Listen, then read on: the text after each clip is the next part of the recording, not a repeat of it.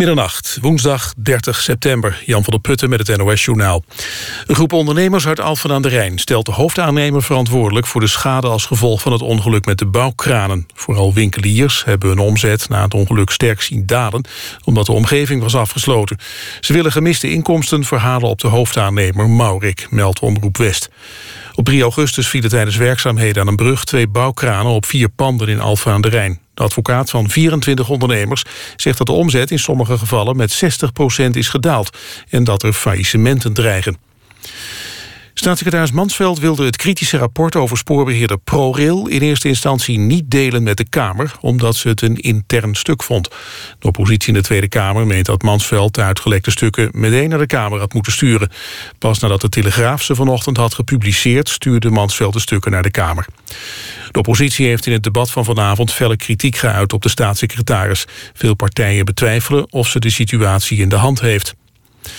Bij Defensie dreigt een munitietekort voor de Nederlandse F-16's. Volgens minister Hennis is er tekort aan één specifieke bom... die veel bij missies wordt gebruikt. Die bommen zijn volgens haar niet gewoon op voorraad bij de leverancier. Er is een lange levertijd.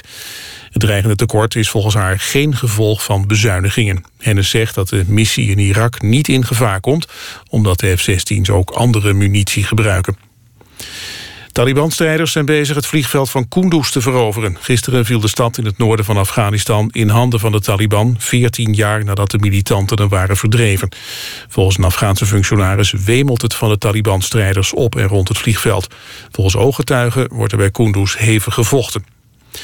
Het weer nog vannacht helder en kans op een mistbank. Minimumtemperatuur een graad of 5 en in het oosten mogelijk vorst aan de grond. Overdag zonnig, vooral in het noorden wat sluierbewolking... en het wordt ongeveer 17 graden. Dit was het NOS Journaal. NPO Radio 1. VPRO. Nooit meer slapen.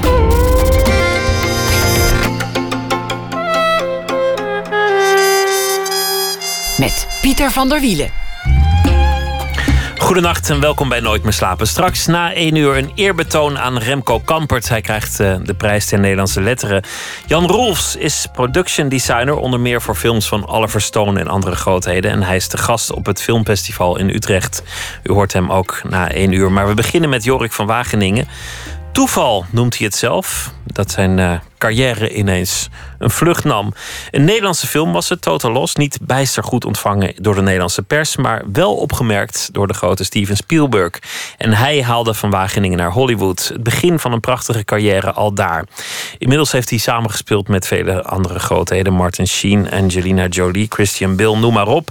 En recent was hij te, in een, te zien in een aantal grote films. The Girl with the Dragon Tattoo van regisseur David Fincher. Ook bekend van films als Seven, Gone Girl en The Fight Club. Hij was te zien in de film Black Hat. Hij speelde in Nederland ook uh, nog in films. Wederopstanding van een klootzak, een iets langer geleden oorlogswinter. Hij speelt ook vaak klootzakken trouwens. Daar zal ik zo naar vragen hoe dat eigenlijk komt. Jorik van Wageningen werd geboren in 1964. Groeide op in Baarn. En hij speelt ook nog in een korte film. De Broker die uh, als afstudeerfilm deze week een onderscheiding kreeg op het filmfestival. Ja, vandaag gefeliciteerd daarmee. Het is niet, niet jouw film, maar nee, je speelt erin mee. Dus je hebt er toch aan bijgedragen. Ja, ja. Nee, die, um, die jongen die die film gemaakt heeft is, is geniaal. Dat is echt, uh, ik denk dat het grootste talent is dat van die school af is gekomen. In, in ieder geval dit jaar. En, um, Hoe ja, heet hij? Uh, David-Jan Bonsgeest. Echt, uh, ja, het is een buitengewoon, buitengewoon getalent, getalenteerde, gedreven, um, creatieve jongen.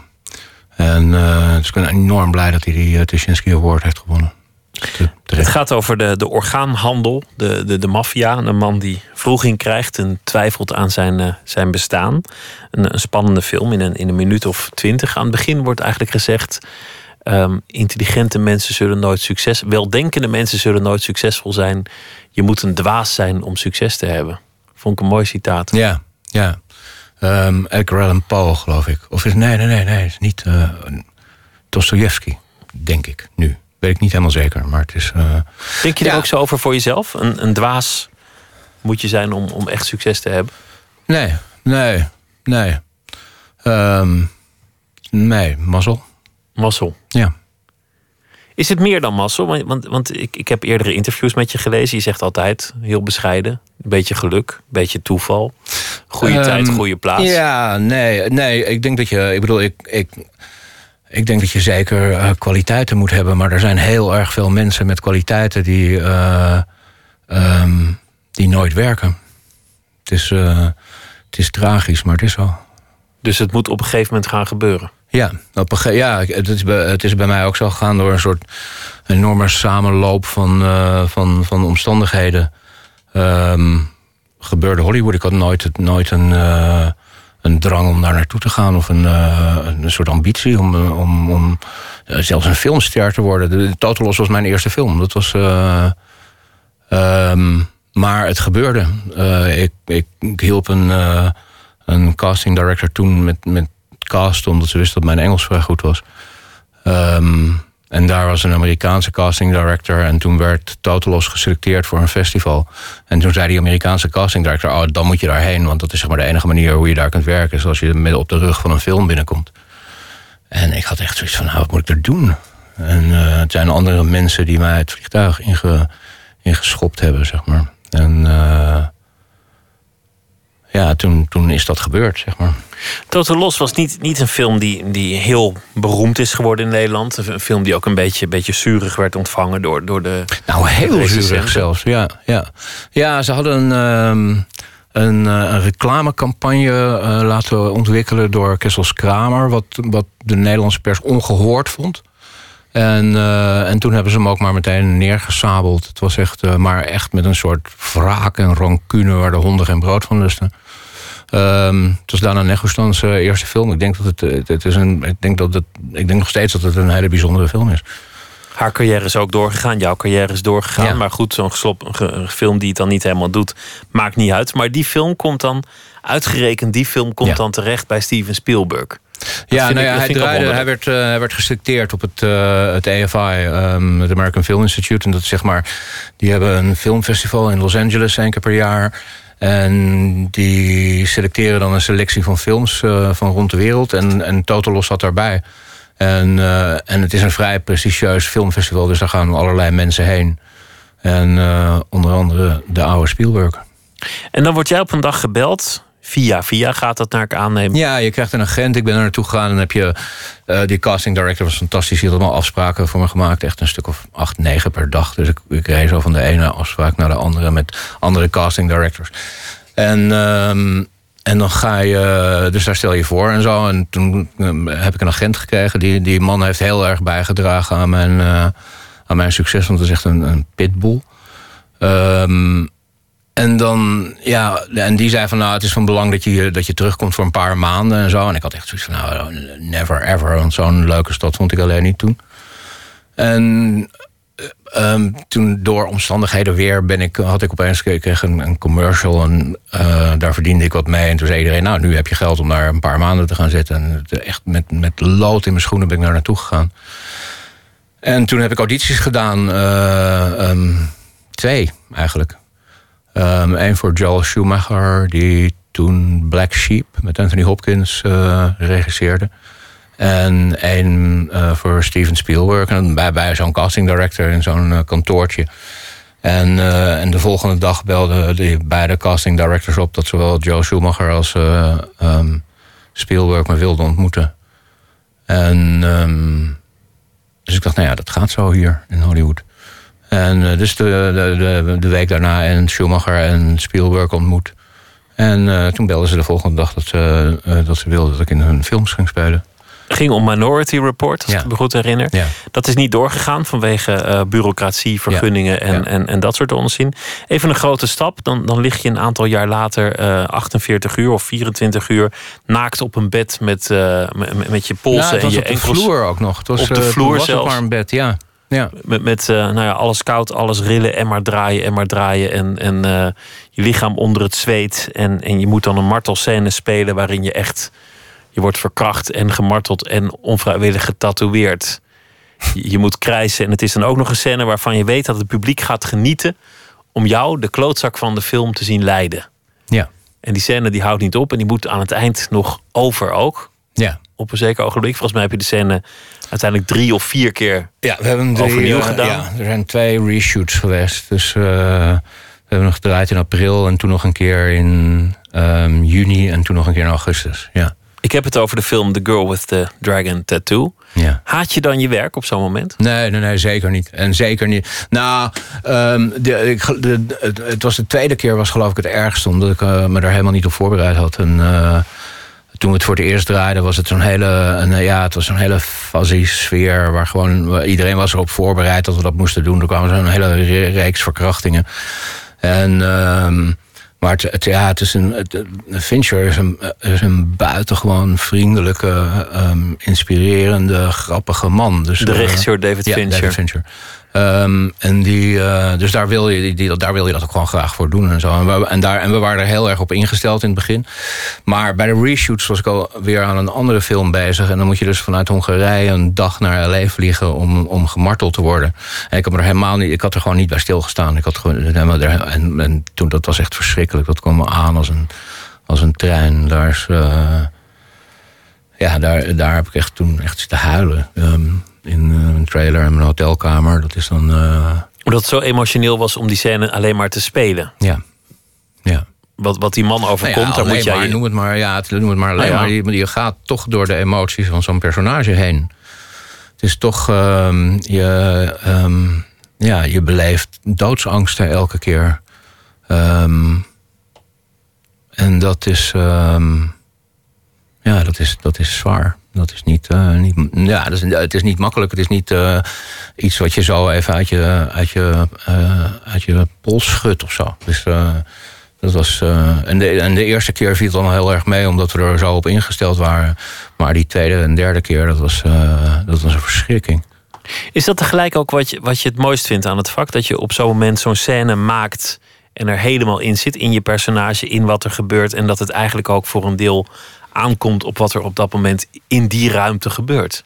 Ehm, Ik ja. bedoel, het lijkt bijna niet Ja. gescript. Het lijkt bijna niet van tevoren helemaal bepaald wat er exact Ja, gaat na- gebeuren. na- natuurlijk. Het is en het mooiste en het, en het vreselijkste. Het is eh, dat, dat gevoel. Het, ja, ehm, ik heb, er gisteren, ik heb, gisteren zo'n eh, praatje gedaan bij het, eh, bij het filmfestival.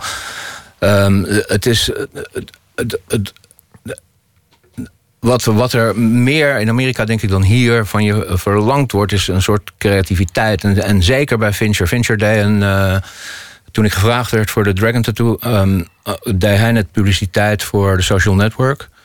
En hij deed een interview dat ik heb gezien. En dat ging voornamelijk over de social network. En op het eind van het interview vroeg de interviewer. ehm, ehm, dat hij ehm, aan er, dat het, het verhaal gaat dat hij zo enorm veel takes doet. Dat hij soms ehm 80, 90, 120 takes van een, van een instelling doet.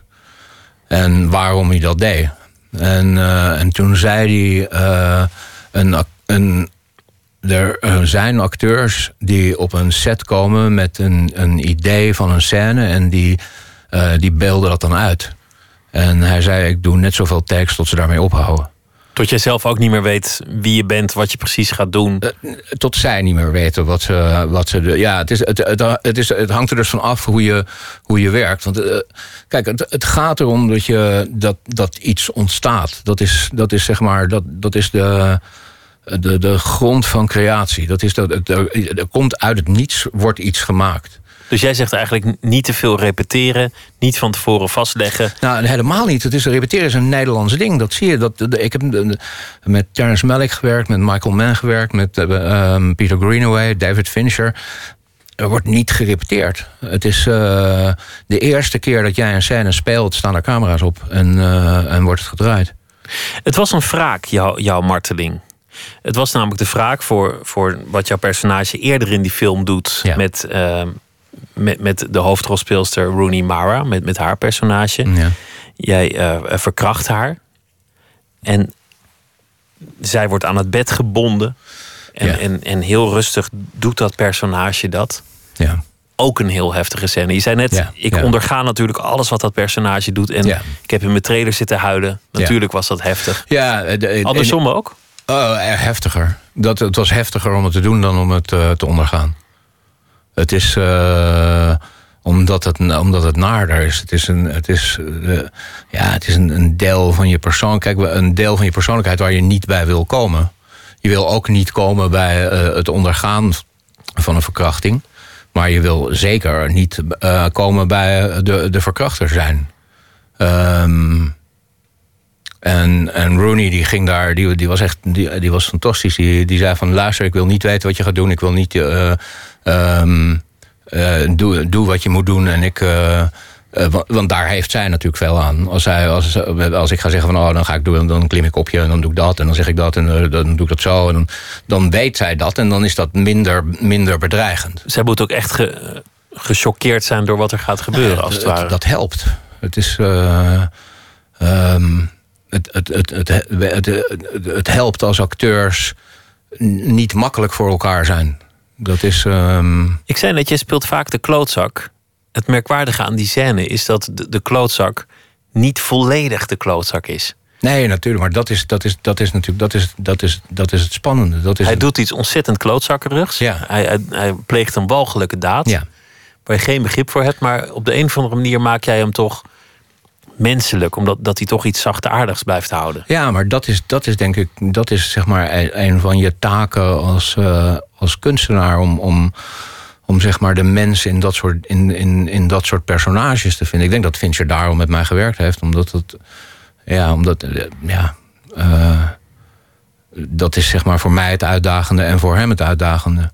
Het is uh, omdat. Weet je, het het is zo makkelijk om. om wat zo vaak gebeurt, omdat zwart-wit, zwart-wit denken, zeker in Amerika, waar de, de, de um, uh, Iranians are evil. En het is zo makkelijk om, om, om dat te doen. Terwijl je het zijn gewoon het zijn mensen. Het zijn mensen die, die zoiets doen. En aan de ene kant is dat nog veel angstaanjagender. Ik bedoel, wat je, wat je zag in, in, in Joegoslavië, in het voormalig Joegoslavië... dat was allemaal een vakantieland waar we allemaal naar, leuk naartoe gingen.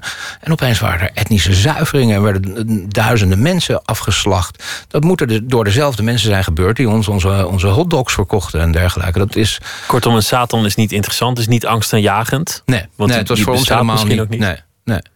Is dat waarom je ook zo vaak wordt gevraagd om de klootzak te spelen? Om, omdat je ze uiteindelijk ook menselijk kunt maken? Ja, misschien. Ja.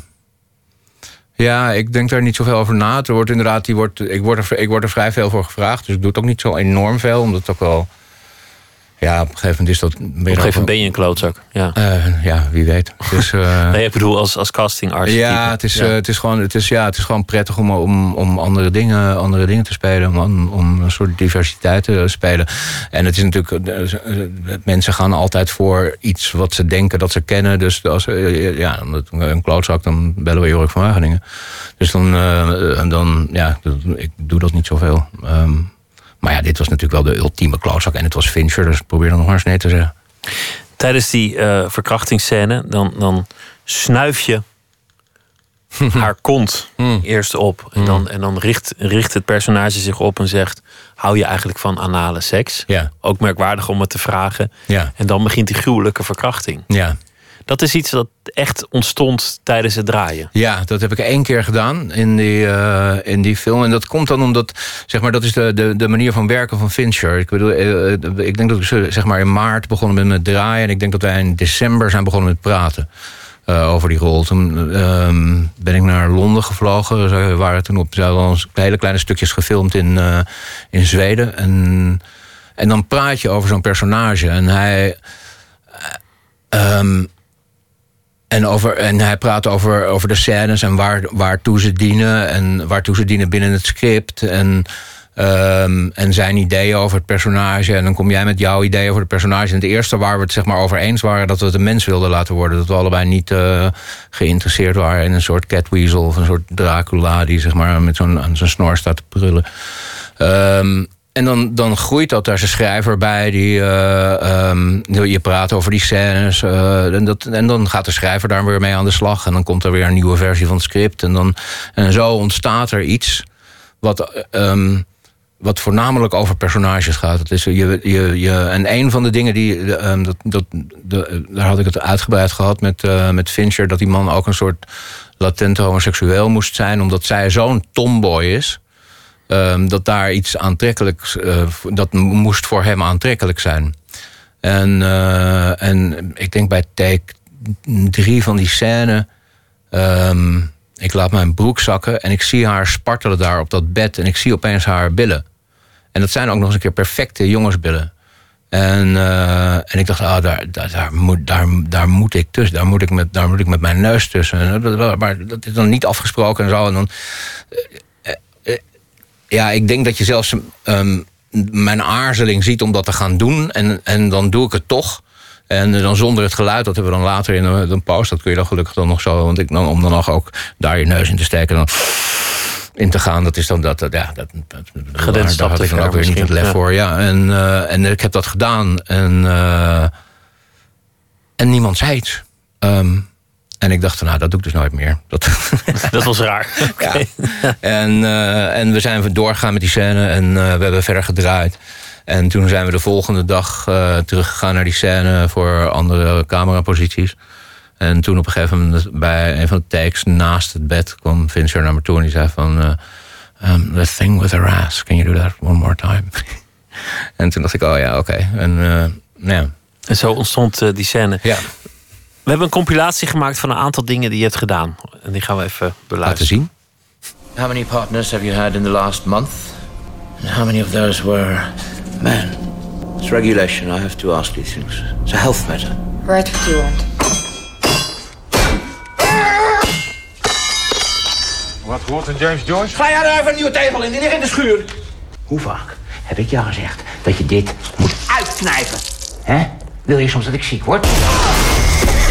Ik kom hier godverdomme met een koffer vol met voedselbonnen. Moet ik die dan misschien in de IJssel kipperen? My best uncle. He's with the underground. He's contacts everywhere. Als ik ooit merk dat jij iets met die oorlog te maken hebt, dan ruk ik je kop van je lijf. An intelligent man cannot seriously become anything. Only a fool can become something.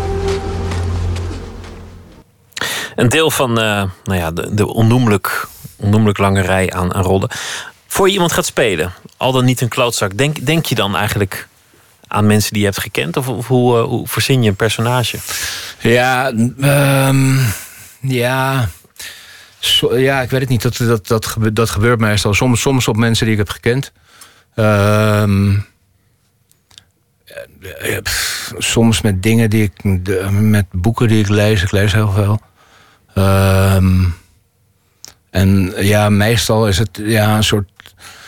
Een soort alles ja, bij elkaar. Er gebeurt altijd van alles als je iets aan het doen bent. Er, er je komt mensen op je pad tegen. Uh, bij, bij de Dragon Tattoo. Ik had een. Uh, um, een uh, hoe noem je zo'n ding? Een wortelkanaalbehandeling. Um, twee dagen voordat ik begon met filmen. En ik ging naar een tandarts in, in Los Angeles. En uh, die, dat kapsel van die man van, van Dragon van Björman, dat is van die tandarts. Die, die had zo'n beetje naar boven geblowdried ding. Ik dacht, ah ja, dat is, dat is perfect. En dus je, je, je, je grabbelt zo dingen bij elkaar. En, en, en uit je eigen leven natuurlijk. En, um, en daar, dat, dat wordt een soort, een, een soort ding. En dat komt op een gegeven moment. Het is ja, er zit zo'n Terry Gilliam, een van mijn favoriete films, Brazil. Daar loopt op een gegeven moment een, een man over straat. En er is een, een, een, storm en, en er komen overal stukjes papier die vliegen tegen hem aan. En, en, en die blijven overal tegen hem aan plakken. En, en je ziet dan die vorm van die man is van al die stukjes papier. Dat is, uh, dat is denk ik een, een mooie metafoor voor, voor zo'n zo'n personage, hoe zoiets, uh, hoe zoiets ontstaat. Het komt in flarden aanwaaien. Ja. Ja. En, het, en het kleeft net zo lang tot je, tot je de vorm gevonden hebt, eigenlijk. Ja. Laten we gaan luisteren naar uh, muziek. Want uh, Lotje IJzermans die heeft weer van alles uitgekozen. En uh, er is een nieuw album van Prince. En wij gaan luisteren naar een nummer met de titel June.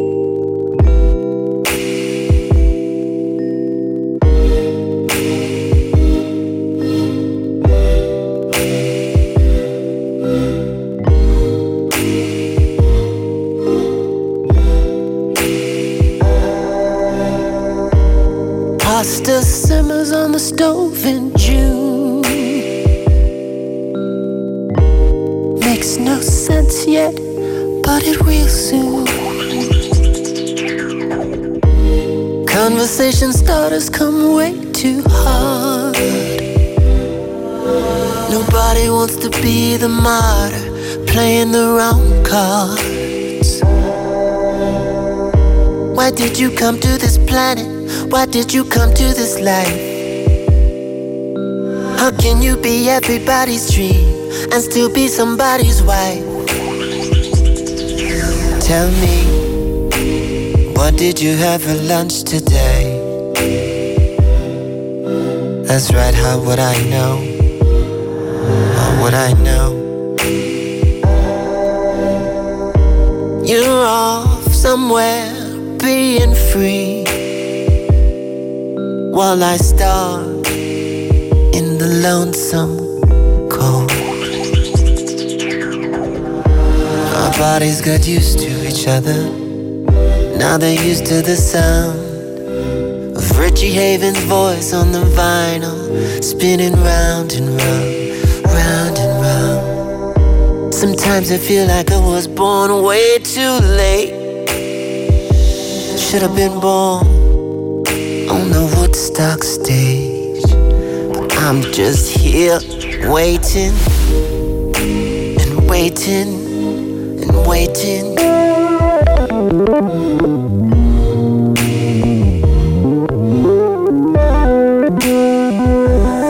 Somebody famous had a birthday today. All I saw was another full moon. Something's burning on the stove. Must be the pasta. Must be the pasta.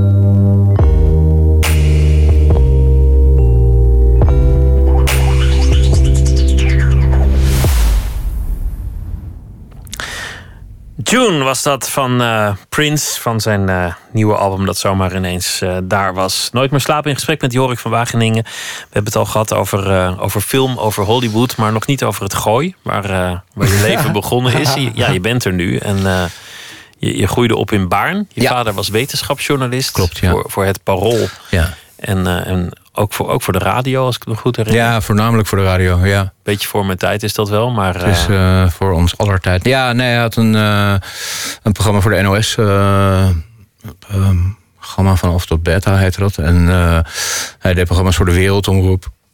En hij was ja, hij is een, een tijd in dienst geweest van Parool. Is daarna freelance journalist geworden. Maar dit gebouw, dit is, eh, het, is, het is gewoon het is heel grappig om hier terug te rijden. Ik, was, als ik ben dan zo'n klein jongetje hier eh, vaak genoeg onder de tafel gezeten. En dan zat je vader iets eh, te vertellen over Ja. de oerknal of Ja. over Ja. gamma-straling of wat dan ook. Ja, ja. En was het dan ook, ook een beetje zijn hoop dat jij dat ook zou gaan doen? Of had, had hij eigenlijk gedachten over jouw toekomst? Oh man, Ehm, ik heb. ehm, nee, ik weet niet. Hij was wel apen trots op me of zo op de een of andere manier. Maar eh, hij is overleden toen ik eh 18 was. Ehm, hij heeft zich doodgedronken. Eh, hij is gestorven op de dag dat. eh, Letterlijk doodgedronken dat dat de acute oorzaak was? Of, of meer langzaamaan door te veel te drinken? nee, dat was Zelf? acute de, de, levercirrose. Ja. Dus eh, ehm, geen, geen makkelijke man. Geen. eh, ehm, ja, nee, dat. ja, ehm, ik weet een dingetje of twee van verslaving, maar dat, is, dat, dat zal geen, geen prettig, prettig eind zijn geweest, denk ik. Om jezelf echt te gronden te richten. Want Ja. dat, dat heb je dan gedaan. En, Ja. en niet kunnen stoppen, het niet kunnen bijsturen onderweg. Ja, ja. Je bent zelf niet gaan studeren. Nee. Dat was. Nee, niet- nou, het was zo, mijn, mijn, mijn jeugd was zo'n chaos. Ik, dat, ik kon niet meer, zeg maar, op mijn zeventiende. Ik was helemaal, eh, helemaal uitgeput. En toen ben ik een beetje gaan reizen door Europa. Heb een paar jaar zo her en der gewoond. En, eh, ehm, en toen ben ik teruggekomen naar Nederland op een gegeven moment. Toen ik eh, 21 was of zo. Geen plan had je. Nee, nee, maar nee, helemaal niet. Het is. Eh, Ehm, ik had het idee wel dat ehm, ik kon enorm goed liegen. Ehm, dus dat was misschien een goed plan om daar mijn vak van te maken. En, Van liegen, daar kan je heel ver mee komen. Daar kun je enorm ver mee komen, ja. Er zijn een hoop sectoren waar Ja. het een vereist is. Ja, ja. Ja, en ik wou niet graag mezelf zijn, dus dat is ook, dat is ook prettig bij acteren. Dus ik heb zeg maar zo, ja, ik ben daar een beetje ehm, inge, ingehobbeld, zeg maar, toen ik, eh, toen ik terugkwam. En toen op een gegeven moment heb ik eh Karsten Woudstra ontmoet en daar heb ik een paar toneelstukken mee gedaan eh, bij het Noord-Nederlands toneel. En dat, dat, is, dat is zeg maar het grote ontwaken geweest. Dat was. eh, Toen je voor het eerst op de planken stond en, en jezelf acteur mocht noemen. Ja, nou, dat, dat, dat, dat deed ik ervoor al. Maar dat ik nog steeds, zeg maar, zeg maar zonder. Dat, nou, dat lukt me nog steeds bijna niet. Maar als mensen vragen wat ik ben, ik moet acteur zeggen, dan kijk ik eigenlijk het liefst naar de punten van mijn schoenen. En denk van laten we het hier niet over hebben. Ehm, Waarom eigenlijk? Want je Ja, bent toch acteur? ja, maar het is niet echt een, het is niet echt een hoog aangeschreven. eh, en zeker hier in Nederland is het niet echt een hoog aangeschreven eh, beroep. Het is niet iets eh, wat je uitroept om trots op te zijn, denk ik. Het is een. eh, Maar hoe zou je het dan moeten noemen? Ja, Nee, nee, ik bedoel, ik ben gewoon acteur, maar. ja. ehm, ik bedoel, als ik het even kan vermijden, heb ik het er liever niet over. Ehm, maar eh, en eh, op de planken staan, ja, dat was, ehm, dat was wel geweldig. Maar vooral het repeteren met hem, dat was echt eh, dat was fenomenaal. Ik denk dat ik daar 90% van alles wat ik over spelen weet, daar met hem geleerd heb. Ik denk dat mijn Hollywood carrière daar, aan daar aan te danken heb. Aan, de, aan de, die, al die weken dat we Kun, je, kun je iets noemen wat je van hem geleerd hebt, waar je nog wel eens aan denkt? wakker zijn, ehm, alert zijn, creatief zijn, eh, origineel zijn. ehm, eh, wat ik net zei, ehm, acteurs ehm, niet.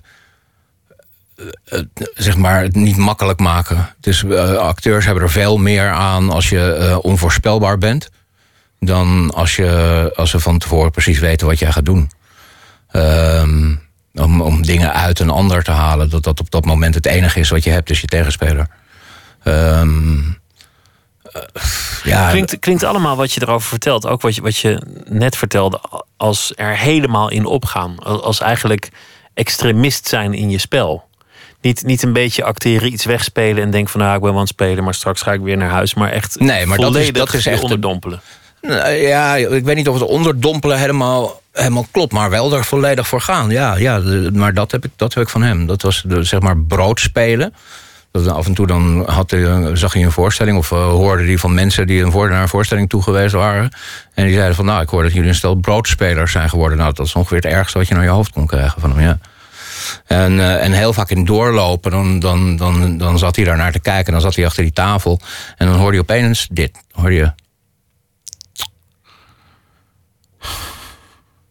Nou, dat- ik sta nu op een set met Fincher ik hoor dat nog steeds. Als ik, als ik zeg maar iets aan het doen ben of iets aan het herhalen ben, of, eh, dan, dan, dan hoor ik dat. Dan, dan denk ik van, oh god, nee. Dat is, eh, en dat, dat komt van hem. Het is, eh, Dan moet de lat hoger. ja. ja, dan moet er wat gebeuren. Ja. Dan wordt het saai. En dat, dat is natuurlijk iets wat Ja. een acteur wil, wil vermijden. Ja. Het begon eigenlijk allemaal pas op je veertigste. Du- du- Dus misschien is Ja. er ook wel een, een moment geweest dat je dacht van nou ja, ik, ik ben niet een bijster succesvol iemand geworden in het leven. Of ik heb eigenlijk nooit helemaal mijn draai gevonden. Of, Ja, ja. of misschien nog wel erger kwalificaties. Ik weet niet hoe, hoe zeer je jezelf Loser. de loser zou, Ja, zou je ik dat. had, ja, ik had een soort een permanent loser core bij me.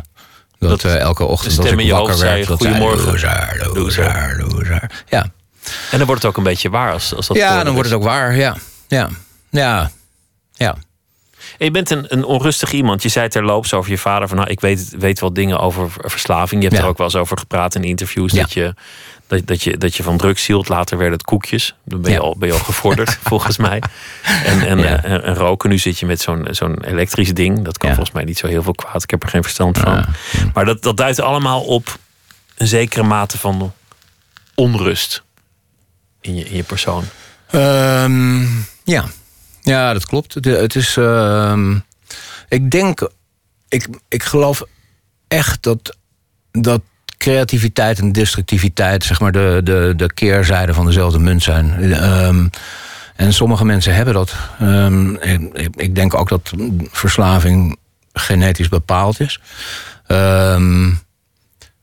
Maar het- hetzelfde met creativiteit. Sommige mensen moeten dat doen. Dat is. eh, ik, er, er zijn enorme periodes van mijn leven, zelfs in, in, in, in de succesvolste periodes, dat ik denk van nou, ik zou wel gewoon iets, iets, iets niet creatiefs willen doen. Ik zou wel gewoon ergens op een bank willen zitten. Of, eh, want zo leuk is dat niet. Zo leuk is het niet om, om, om elke keer. Om, om, met, eh, het feit als je iets uit het niets laat ontstaan, moet je eerst dat niets in. Dat klinkt nu heel erg eh, ehm, zweverig. maar het is wel zo. Het is niet een fijn gevoel om als een regisseur actie roept, om soms geen idee te hebben wat je gaat doen. Ehm, en toch en wel is- die drang om het heel goed te doen. En, en zelfs Nou, meer ja. dan heel goed. Nee, die heb ik. Nee, nee want dat, dat goed is ook zo'n Nederlandse. Nederlandse. Dat, we, hebben, we denken altijd in, in, in, in, in, in goed en slecht. En het, is, het, het zet geen zoden aan de dijk, geloof me. Het is. eh, Hoe denk jij daar dan over? Nou, het is, het, is, het is zeg maar een. een je, je, er wordt iets geboren, je maakt iets door een enorme hoeveelheid eh, eh, omstandigheden. En, eh, en als jij, zeg maar, Björman zou spelen in The Girl with the Dragon Tattoo... komt daar iets anders uit dan als ik hem zou spelen. En, en het is niet zo dat jij slechter zult zijn dan ik. Dus er komt gewoon een ander, een ander iets uit. Maar in, in, in Nederland, en zeker ehm, in, in, in, in de kritiek van de kunstwereld... ehm, hebben we een enorme sterke drang om daar oordelen op te plakken. Om daar te zeggen, goed, geweldig, fout. Vier is- balletjes, drie balletjes, Ja, twee balletjes. Ja, dat is. eh, en het, het slaat natuurlijk helemaal nergens op, omdat het, omdat het zo subjectief is. Het is. eh, ehm, maar er is dan zeg maar zo'n maffia die bepaalt wat, wat goed is of wat niet goed is. Het Maar is je, je legt de lat wel hoog voor jezelf. Want je zei net, ik, ik hoor dan in, in mijn achterhoofd dat, dat, dat klakken van die tong en dat uitademen van karst. ik Ja. ben er nog niet. Het, het, is niet het, het is niet waar ik naar op zoek ben. Is het, als, je, als je een enorm talent hebt, want, want anders was je niet zo ver gekomen. Dus dat, dat is gewoon, dat is er. Maar het heeft zijn weg nog niet gevonden. Is dat misschien ook gewoon die onrust die ervoor zorgt dat je dan destructief wordt?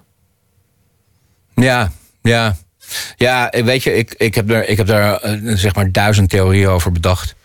Ehm, ja, dat zou kunnen. Ja, dat zou kunnen. Het zou ook zeg maar de angst voor creativiteit kunnen zijn. eh, om dat te doen. Het zou genetisch bepaald kunnen zijn. Het zou de onrust kunnen zijn. Het Is zou... het, is het beest getemd inmiddels? Nee, zeker niet. Nee. Is er nog? Ja, oh mijn god, ja. Ja. Maar goed, je zit dan nu met zo'n stoompijpje, maar, maar dat is het niet meer, toch? Nee, nee, nee, gelukkig niet. Nee, nee. Dat is. eh, Maar welk, wat, wat is het nu? Welke onrust beleef je dan nu? Nou, ehm, eh, ehm, ja, gewoon on- onrust in, in zeg maar de mensen. Het is de menselijke conditie en hoe ik ben. Ehm, en ik heb daar voor een heel groot gedeelte mee leren leven. En het, het, het heeft naast. eh, het is, eh, weet je, als je het zeker als je het omschrijft als onrust, is dat, is, dat, is dat niet plezant. Maar tegelijkertijd levert het ook dingen op. Dus die onrust levert ook dat soort rollen op, zo'n carrière op. Dat. er, er komt ook iets, iets, iets, iets moois uit voort. Er zijn. eh, ehm, ja, het, het, het is, het, is, het is ook goud, zeg maar. Het is, het is, het is, het, het, het, het, is- het, is, het is allebei. Het is eh, de, de, het, het goede en het, en het slechte. We hebben het toch over goed en slecht. Dus het zal het Calvinisme zijn, zo laat op de avond. Ehm, Dat geldt, dat geldt natuurlijk waarschijnlijk ook voor, voor heel veel schilders en schrijvers en, en andere, andere figuren. Het, het gaat jou volgens mij niet om het, om het sterrendom, om, om de status, om, om, eh, om gillende fans. Volgens mij gaat het je ook niet echt om, om het geld. Nee. Misschien is dat ook, ook winst, dat je, dat je niet ijdel bent. Omdat als je op een vloer ligt vastgebonden in je, in je blote reet... en, en Ja. iemand is je met een pook aan het bewerken... dan kun je beter niet ijdel zijn. Nee. Want dat zal allemaal nare gedachten opleveren op zo'n moment. ja. Het gaat jou uiteindelijk om de film, om de kunst. Ja, en, en om het werken met, eh, met, met, met dat soort mensen. Dat is, dat is om, ander, om, om de processen van andere mensen te zien. Dat is, eh, dat is heel erg bijzonder. Dat is, eh, en, of dat, en dat zijn natuurlijk in mijn vak eh, zijn dat zeg maar de makers. eh, ehm, cameramensen, regisseurs, acteurs, schrijvers. Maar ik zou ook bijvoorbeeld, ik zou echt heel erg graag bij een, bij een schilder in een kamer ergens in een hoekje zitten en kijken hoe die, hoe die werkt. Dat is. Ja, dat, dat, is een, dat, is, dat, dat, is een fascinerend, dat is een fascinerend proces. Dat is iets. eh, ehm, ja, dat is, dat is mooi om, daar, om daarachter te komen waarom mensen als Fincher zoiets maken.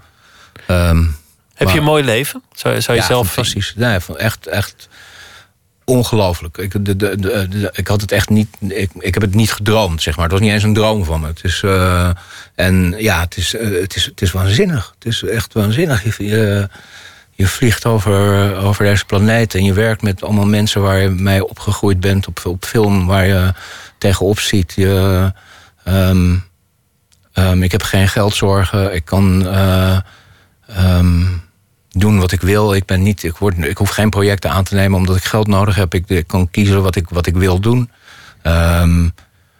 Ja, het is, het is, het is, ik, heb een, ik heb geweldige vrienden. Het is, eh, het is, het is, het is, het is verbijsterend goed. Ja. Het is ook soms ehm, een, een, een business waarin films kunnen mislukken, om maar wat te noemen. Films kunnen halverwege failliet gaan. Ja. Er kunnen ruzies op de set ontstaan. Er, er, er kan eh, opnieuw een producent opstaan en zeggen: jij de film uit, jij de film uit. Ja. Dingen kunnen niet doorgaan. Je hebt, je hebt alles meegemaakt op dat vlak, volgens mij. Ja. Je, je hebt alle monumentale. Ja. ruïnes Ja. meegemaakt. Ja, het is natuurlijk een hele, een hele gevoelige, gevoelige, gevoelige werkplek. Want er, dat, is nogal, dat zijn krachten die samenkomen. En zeker als je in. in Weet je, als je met Fincher of met Michael Mann of zo werkt, dat zijn de, dat, die, de, de, dit is de crème de la crème die daarmee werken. Dus dat zijn allemaal mensen met een enorme gedrevenheid en een enorm geloof in wat ze doen. En, of, of juist niet. Maar dat, dat zijn, het, is, het, is een, het is een kolkende zee waar je instapt. En, eh, en, en heel vaak is dat een buitengewoon plezante zee. Maar soms is het ook loodzwaar. Soms, is het, soms wil je daar echt niet bij betrokken zijn. Maar ja, dat ding moet af. En eh, dat, er moet gezegd worden wat er gezegd moet worden. En dat, is, ja, dat, dat, dat gebeurt dan. En, en dat is het prettige van. Ehm, ik deed ehm, een interview van die, eh, voor, het, voor, het, eh, voor het filmfestival. En iemand, iemand vroeg mij waarom ik geen, geen series wilde doen. Nou, dat, dat, is, dat, is, dat, ja, dat lijkt mij ondraaglijk. Want het is, het is zo als je een Amerikaanse serie wil doen... dan moet je voor negen seizoenen tekenen. Ik moet er niet, ik moet er niet aan denken. Ik vier, vier tot zes maanden, dat is ongeveer de max die ik... eh, En dan wil je verder naar het volgende, ja, volgende natuurlijk. project. Ja, Bij de wederopstanding van een klootzak, een prachtige film, ja. eh, is inmiddels ook, ook veel verteld. Was de sfeer op de set nou niet je dat? Was op een gegeven moment was het wat ongezellig geworden. ja. Was, Ja. Jij en de regisseur konden, Ja. konden nauwelijks nog met elkaar overweg. Nou ja, we konden niet met elkaar overweg. Het was op een gegeven moment zelfs zo dat, dat de aanwijzingen via de assistent liepen. Heb Ja. ik me laten vertellen. Ja. En, Ja. en, en dat jullie elkaar niet meer groeten als de, als de film klaar was. Nou ja, maar dat, dat, dat is het dus. En het is, weet je, eh, ehm, dat ging niet over het trailergrootte of eh, ehm, hoe je behandeld werd. Dat, dat ging over die film. En, eh, en, en ik dacht echt dat hij zijn scenario weggaf. Want het was het, het, het- een van de mooiste scenario's die ik ooit heb, ge- ooit heb gelezen.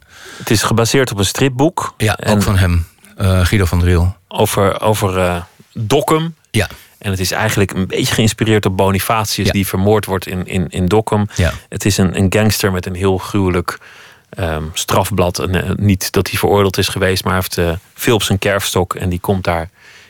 Ja, en wordt ineens eigenlijk een, een, een aardige man. Die komt tot bezinning. ja. Ja. Maar ja, zijn verleden blijft hem achtervolgen. ja. Heel mooi, heel mooi strippenalbum en, en ook een hele mooie prachtig. film geworden. Ja, ja. Ja, het is dan. Maar dat is dan. Dat, weet je, dat zijn. Sorry, een cola-boer. Ehm, dat, zijn die, dat zijn die dingen die allemaal bij elkaar komen. En dat, dat uiteindelijk maakt dat iets. En ik geloof ook dat het een, dat een prachtig film is geworden. Mi- misschien ook wel een van de films waarop ik het meest trots ben. Ehm, en op een gegeven moment. Weet je, je hoort al dat soort, dat soort verhalen over. Oh, je hoort dan acteurs zeggen van ja, je moet vechten voor je personage. En, maar soms is dat dan echt zo. Dan moet je echt vechten voor die rol. En dan, en dan, en dan is er. ehm, nou, en dat, dat was echt extreem, want we op, tegen het einde praten we, praten we niet met elkaar. Dat heb ik nog nooit, dat nog nooit meegemaakt. Ehm, maar dan desalniettemin komt daar zo'n mooie film uit. Dus Misschien, dan- nou, desalniettemin, misschien juist daardoor. misschien juist daardoor. Misschien ja. dat er wel spanning op die set hangt, waardoor Ja. iedereen eh, wat scherper is. Ja. Kan toch? Ja. ja. Maakt ook eigenlijk helemaal geen donder uit als het een mooie het maakt film geen is. reet uit. Het is, eh, Het is, ehm, ik, had, eh, ik deed die Melk en dat was ook dat, eh, de New World. En dat was eh, hel. Het was gewoon zo zwaar. Het was elke dag 37, 38 graden, 99% vochtigheid. En allemaal van die enorme grote wollen kostuums. En Melk was all over the place. Die was echt, dan was je een scène aan het doen en midden in die scène liep hij weg om riet te gaan filmen. En, ehm, en de hele cast en crew was dronken de hele tijd. Dus het is als, als je zeg maar niet drinkt en geen drugs doet, redelijk zwaar. Dan, dan ben je toch een soort buitenstaander. En het was, het was absolute hel. En, eh, en, en, maar ja, het, de- het maakt allemaal niet uit. Want het gaat, het gaat om zo'n film die daar uitkomt. En ik heb echt mazzel gehad. Ik heb een paar films gema- gemaakt... waarvan ik echt denk dat mensen over 10, 20 jaar... die nog steeds zullen zullen zien. En, en The New World is daar, is daar één van. En, eh, het En zoveel niet- films zijn er niet die overleven uiteindelijk. Nee, nee, dat denk ik ook niet. Nee, nee dat is. Dat is eh, dat is, nee, dat is heel bijzonder. En ik denk dat, dat de wederopstanding van de klootzak er ook heen is. Dus, eh, Het Londense duo Leo Bai heeft een eh, single uitgebracht. En dat is een ode aan Philip Seymour Hoffman. Als we het toch hebben over eh, grote acteurs en, en Hollywood. En, ja, en, eh, en, en gekreukelde zielen. Ja. Zeker. We gaan luisteren naar het nummer en dat heeft ook zijn naam als titel. I am breathing the cold air that's left, and my face is pressed against the floor. That is old and dirty evermore. As my spirit or whatever starts to flare. And the angels in my lap can't stare as my words disperse in time to air and I'm somewhere up above the scene Who's gonna play me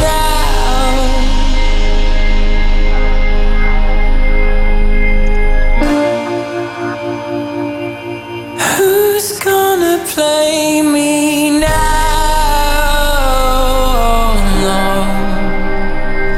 oh no.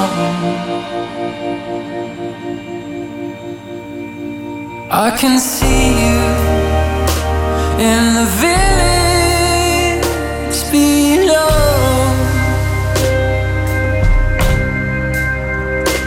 Now I'm somewhere up beside where my heart and mind have turned to one, and I'm thinking of a hotel before. Where the blinds are down against the moon That is drawing lines I'm somewhere in between them all Who's gonna play me now?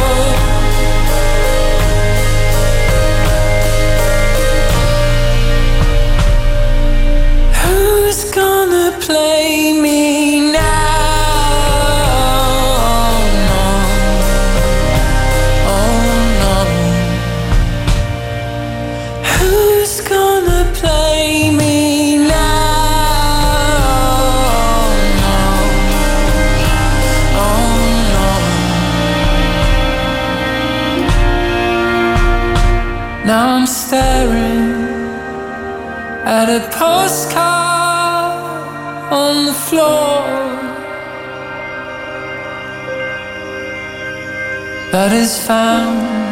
found its way behind my desk with the books of words and lines of text. I spent a lifetime learning yet there is nothing left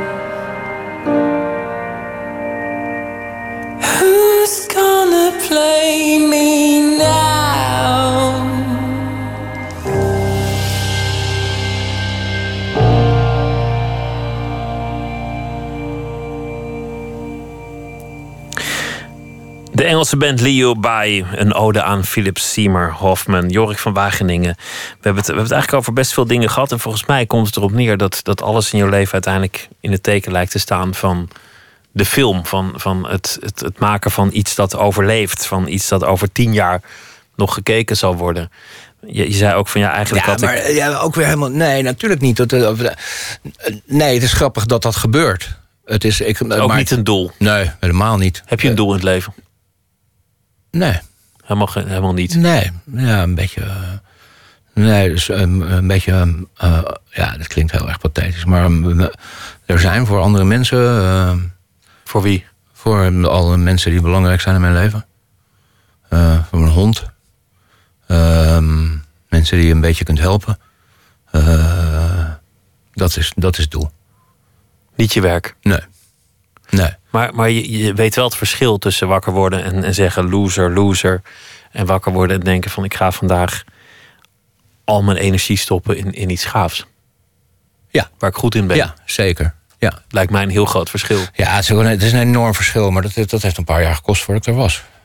Het is, eh, daar moet je, dat is, eh, dat is een, een soort lange reis geweest. Ehm, en ik ben enorm blij dat dat. En dat loser loser is er gewoon nog hoor soms. Ehm, maar het is, ik ben blij dat het niet meer zo prominent is. Ergens zijn we allemaal natuurlijk losers. Ik bedoel, dat, ja, dat moet je af en toe ook hebben. Want als je, embrace inner loser. Ja. ja. je, je hebt het eh, onder, onderweg, eh, sprak je over eh, Total Los van, van Dana Negustan. Het was, was een, volgens mij eerst een toneelstuk en toen een film. ja, het was een toneelstuk van Karst en daarna heeft Dana het verfilmd. Ja. Is op, om, om heel veel redenen voor jou een, een belangrijke film geweest. Ja, het het is, dat, dat, ja, het is ongelooflijk. Het is, eh, ik denk dat het eh, mijn, mijn, mijn transformatie naar het, stuk, mijn transformatie naar normaliteit in gang heeft gezet. Ehm, ik denk, Karst kende mij eh, vrij goed toen hij het schreef. Ehm, die jongen is een mythomaan. Ehm eh Reinier Klophoch, het personage dat ik daar speelde. En dat, ja, ik denk dat dat zeg maar in de jaren daarna het heel veel over mijzelf heeft geleerd. Ehm, want dat kan ook soms gebeuren als je een personage speelt, dat, het- dat, het, dat het iets met je doet. En dat, dat was bij Omdat je inleeft in een ander, word je misschien zelf ook even een ander. En dat kan je dan weer met een andere blik naar je echte Ja. persoon doen Ja. kijken. Ja. Jij was volgens mij, het, het het ging over mensen die keken naar hun einde, als Ja. het ware. Ja. Die, die, eh, die het leven hadden gelaten en, en keken naar alles wat eraan vooraf ging Ja. en, en wat er gebeurde. Ja. En jij wa- was dan een jongen die naast dood ook nog een soort coming-out beleefde. Die, met- die met zijn geaardheid rommelde. Eh, ja, met zijn geaardheid. En, nou, met alles eigenlijk. Met, met, met, met, met, eh, met ehm, en ja, daarin is die rol heel goed beschreven, omdat hij zo balanceert op ook wat waar is en wat niet waar is. En met zijn geaardheid, maar ook met zijn, de, de verhalen die hij vertelt. Je weet nooit wat waar is en wat niet waar is. En, dan, ehm, en, en dat is denk ik voor al die drie die personages. Ik ga het, eh, ehm, ik ga het stuk regisseren volgend jaar. Dat, Erbij, erbij terugkeren bij, bij het stuk. Ja, ja, ik ga, ja, ik ga het doen met drie jonge, geniale acteurs. En,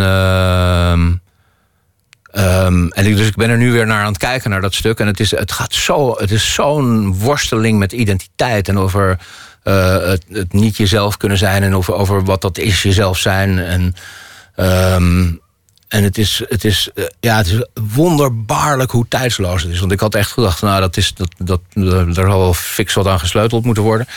En eh, die drie jongens die hebben me thuis geweest en we hebben dat gelezen. En het, het, is, het, is, je kunt het, ja, het is zo. Het is, het is natuurlijk een, een soort universeel, univers, universeel thema. ehm, die, Wie ben ik eigenlijk? Ja. Wie ben ik en wat Ja. doe ik hier? En, Ja. en hoe en, en hoe groot het belang is om, om iets, te, iets te laten zien wat je wil dat mensen denken dat je bent. Facebook, Twitter, dat. eh, ehm, en dat, dat, dat doen die jongens eh, voor elk, elk op hun eigen manier. En dat, dat heeft desastreuze gevolgen. En, eh, en, en het stuk speelt in limbo. Dus mm, Dante's idee van eh, eh, een plaats waar je bent voordat je naar de hemel of naar de hel gaat. om inzicht te krijgen van je zonde. Dus die, die, die jongens die gaan steeds maar daardoor heen.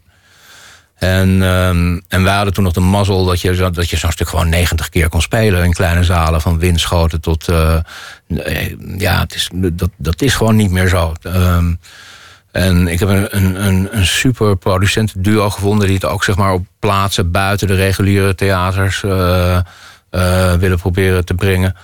En, en ja, zodat je een beetje mensen eh, geïnteresseerd krijgt naar het toneel, die, die, die um, dat er iets daar gebeurt. Dat het, uh, en, en die thematiek is fantastisch. Die, die is, die is, ja. En hoe heeft dat jou veranderd? Want, want kennelijk is daar iets gebeurd dat jou van uh, iemand die, die niet zijn pad kon vinden, heeft, heeft veranderd in iemand die, waar, waarbij het eigenlijk ineens wel werkte. Hoe veranderde dat jou, dat personage? Ja, je, je, je, je brandt stukjes weg, zeg maar. Dus uh, bij sommige rollen heb je dat. Uh, die, die, die, dat, dat, dat, dat, um, omdat je zo'n rol zo intens speelt en je gaat daar zoveel mee om, is het ook alsof je daarna het weg kunt zetten. En dus je haalt een stuk, bij dat personage heet Reinier Kloprogge, je haalt een stuk uit jezelf dat Reinier Kloprogge is. En dan als je er klaar mee bent, zet je het stuk Reinier Kloprogge weg en denk je, nou, dat was, dat was een rol. En daar, daarmee heeft dat iets bevrijdend spelen. Dus uh, daarmee kun je, kun je dingen achter je laten. En, uh, en bij, bij Totalos is dat zeker zo geweest. Dus uh, die, de, er zijn gewoon heel veel dingen met de, met de obsessie over. Um, over, over het liegen of het, het iemand willen zijn. Het, uh, ergens aan voldoen. Ergens aan voldoen, gezien worden, gehoord worden. Dat, dat, hele, dat zijn allemaal dingen die je onderzoekt tijdens zo'n repetitieproces en, en, en daarna ook nog spelend. Want dat is zeg maar de voorwaarde van, van, van dat je dat doet. En dat maakt het ook interessant om, om voor mensen om naar te kijken, omdat het, omdat het een, een wezenlijk proces is dat er daar elke avond afspeelt. Um... Dat vind ik ook wonderlijk, want je, want je bent terechtgekomen in Hollywood. Je hebt, je hebt een prachtige carrière gekregen. We, we hebben het over heel veel films niet eens gehad. Over, over Oorlogswinter, een, een van de meest succesvolle films ja. in Nederland ja. bijvoorbeeld. Maar ja. je hebt ontzettend veel dingen gedaan. Maar je zit in een, in een beroep en in een wereld waar imago, uiterlijk, uh, dromen, ambities een enorme rol spelen. Maar dat lijkt eigenlijk allemaal van je af te glijden. Nou, maar dat is ook dat is gezeik. Dat vind je allemaal gezeik? Ja, zeker. Het is, en toch red je het? Wat zeg je? Toch red je het. Dat nou, ja, dat, niet. Dat, dat kan dus, blijkbaar. Dat, daar ben ik dan het levend bewijs van. Het is, uh, maar het is, ja, nee, maar dat is, het is, bedoel ik, het is, ja, dat, dat over jezelf gepraat is vrij oninteressant. En, en wat ik de laatste dagen ook wel hoorde, is dat, dat je dan ergens bent tussen alle sterren, beroemdheden en, en belangrijke mensen. En dat je er dan tussenuit sneakt om in drie cafés verder waar niemand je kent, eventjes een biertje te gaan drinken. Ja, geen bier, want ik drink niet, maar. Uh, of nou ja, ja, wat je, ja, wat je nou ja zeker. Ja, daaruit de weg. Ja, tuurlijk. Even, even rust, even, even weg van het Ja, ik kan, maar ik ja, kan daar niet, niet heel erg goed tegen. En gedeeltelijk is dat eigenwaarde, omdat dat dan op dat soort momenten. Um, uh, in, bij grote uh, gemeenschappen, mensen, dat dat over het algemeen zinkt. Dus ik, ik voel me zo onvoorstelbaar ongemakkelijk daar. Dat hoe sneller ik weg ben, hoe beter. Dus, dus eigenlijk toch een soort contrast volgens mij met, met, met wat ik weet van Hollywood. Ja, maar dat is wat jij weet. Nee, maar dat is wat jij weet van Hollywood. Dat is, ik bedoel, ik denk dat de, de, de meeste acteurs en de, de, de, meeste zeg maar, grote acteurs waar ik mee gewerkt heb, die, die, die verschillen niet heel erg veel van mij. Dat is. Uh, die vinden het ook gezeik. Ja, die vinden het ook gezeik. Maar die, die vinden het ook moeilijk. Het is niet alleen gezeik, maar het is ook moeilijk. Het is, het is niet makkelijk om, om in, een, in zo'n soort wereld een, een, een, een, een imago te creëren of bloot te staan voortdurend aan de aandacht van de pers. Het is, uh, ik ben blij dat ik dat niet. Uh... Niet aan de hand heb. Nee. nee. Je kijkt niet vooruit. Zijn, zijn er nog dromen? Want, want één, één droom, David Fincher, die kwam uit. Ja. Dat, dat is eigenlijk waar, waar het jou om gaat. Met ja. wie werk ik samen? Noem, noem nee, ik, ik heb niet, uh, niet echt dromen. Omdat het ook uh, helemaal niet... Uh, weet je, soms denk je van... Oh, daar wil ik heel graag mee werken. En dan komt, bij, bij Fincher kwam dat uit. Maar soms denk je ook van... Nou, um, en soms werk je met... met vorig jaar een, een, een, een, film met een jonge Italiaanse regisseur gedaan. Dat was, dat was fenomenaal. Dat was, en dan, dan ontdek je zo iemand en maak je iets daarmee. Um, Bon Carwij, dat is misschien de enige Nog één regisseur droom. waar ik... Uh, ja, Dankjewel, Jorik van Wageningen. Leuk dat je te gast wilde zijn. We gaan zo meteen verder. Twitter, VPRO NMS. En via de mail nooitbeslapen.vpro.nl. Dankjewel. Graag gedaan.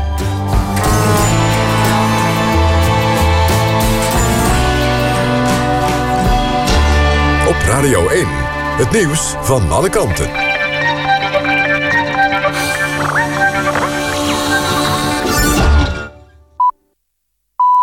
1 uur, Jan van der Putten met het NOS-journaal. Staatssecretaris Mansveld moet de Tweede Kamer meer stukken geven... over de problemen bij ProRail. Ze moet onder meer een verslag van de Algemene Aandeelhoudersvergadering openbaar maken. In een debat eiste de Kamer verder dat een extern bureau... de problemen bij de spoorbeheerder gaat onderzoeken. Aan het begin van de nacht diende de PVV een motie van wantrouwen tegen Mansveld in... maar die kreeg geen steun. Wel overweegt de SP de motie later te steunen... als Mansveld verdere vragen heeft beantwoord. De debat gaat over een aantal dagen verder. Ondernemers uit Alphen aan de Rijn stellen de hoofdaannemer na het bouwkraanongeluk verantwoordelijk voor de schade. Vooral winkeliers hebben hun omzet na het ongeluk sterk zien dalen omdat de omgeving was afgesloten. Ze willen gemiste inkomsten verhalen op de hoofdaannemer Maurik, meldt Omroep West. Op 3 augustus vielen tijdens werkzaamheden twee bouwkranen en een brugdeel op een aantal panden. De advocaat van 24 ondernemers zegt dat de omzet in sommige gevallen met 60% is gedaald en dat er faillissementen dreigen. Bij Defensie dreigt een munitietekort voor de Nederlandse F-16's. Volgens minister Hennis is er tekort aan één specifieke bom... die veel bij missies wordt gebruikt. Die bommen zijn volgens haar niet gewoon op voorraad bij de leverancier. Er is een lange levertijd. Het dreigende tekort is volgens haar geen gevolg van bezuinigingen. Hennis zegt dat de missie in Irak niet in gevaar komt... omdat de F-16's ook andere munitie gebruiken. Turkije heeft Nederland toegezegd om opnieuw te kijken naar de langslepende zaak Demming, waarin een voormalig topambtenaar wordt verdacht van het verkrachten van twee Turkse jongens. Minister van de Steur zegt dat hij onlangs een constructief overleg heeft gehad met zijn Turkse ambtgenoot. Turkije zei eerder dat de zaak was verjaard. Nu lijkt het erop dat Nederland de vermoedelijke slachtoffers toch mag horen. Het weer nog vannacht helder en kans op een mistbank. Minimumtemperatuur een graad of 5. In het oosten mogelijk vorst aan de grond. Overdag zonnig, vooral in het noorden wat sluierbewolking. En het wordt ongeveer 17 graden. Dit was het NOS Journaal. NPO Radio 1. VPRO. Nooit meer slapen.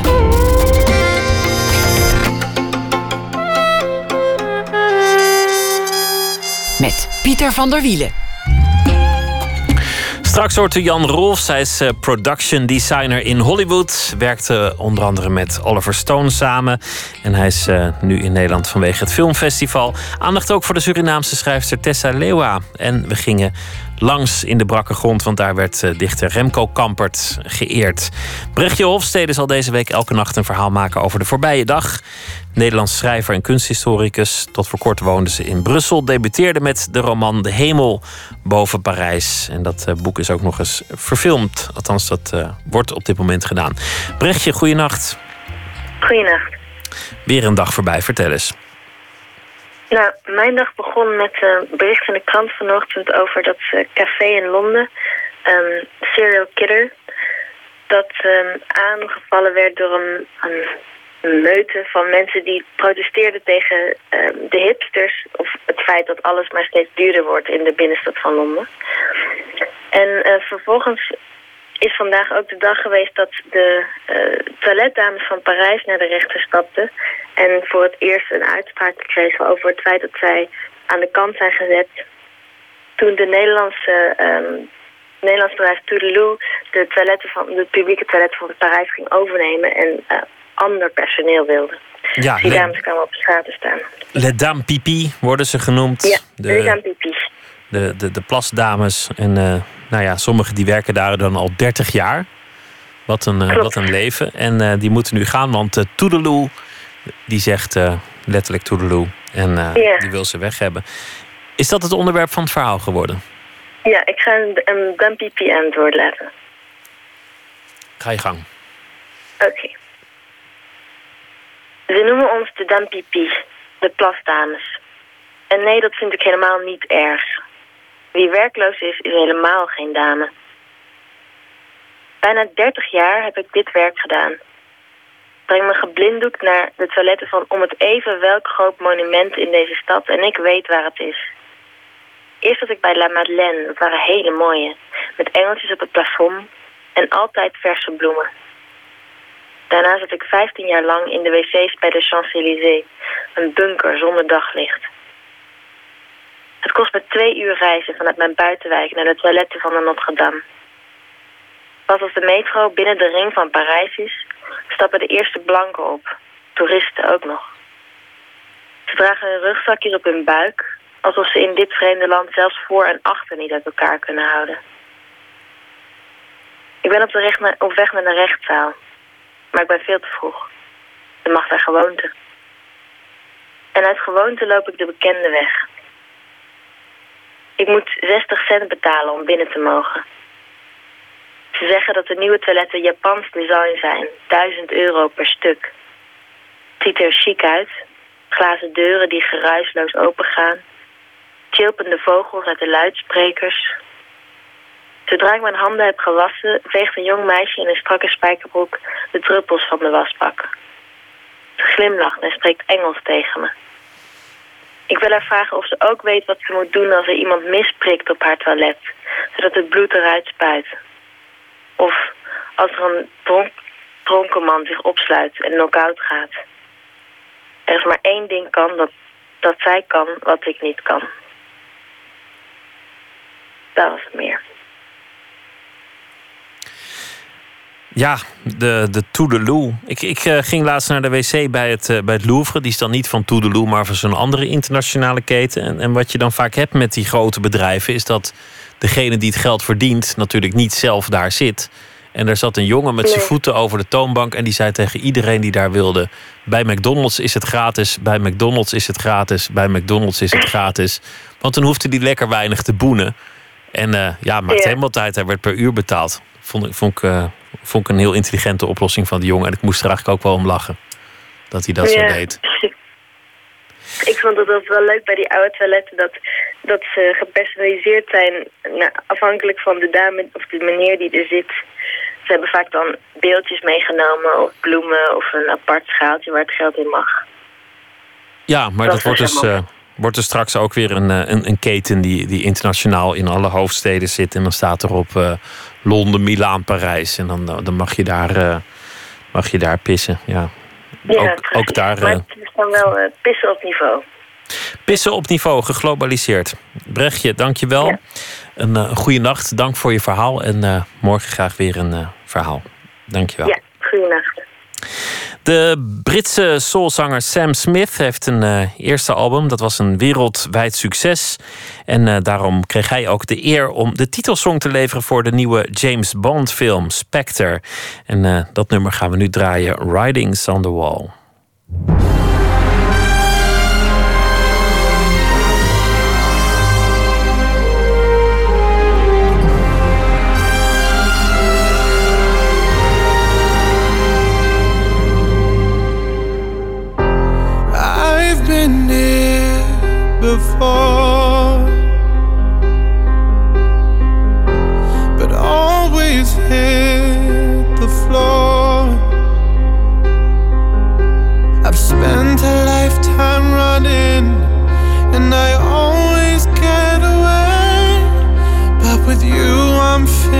some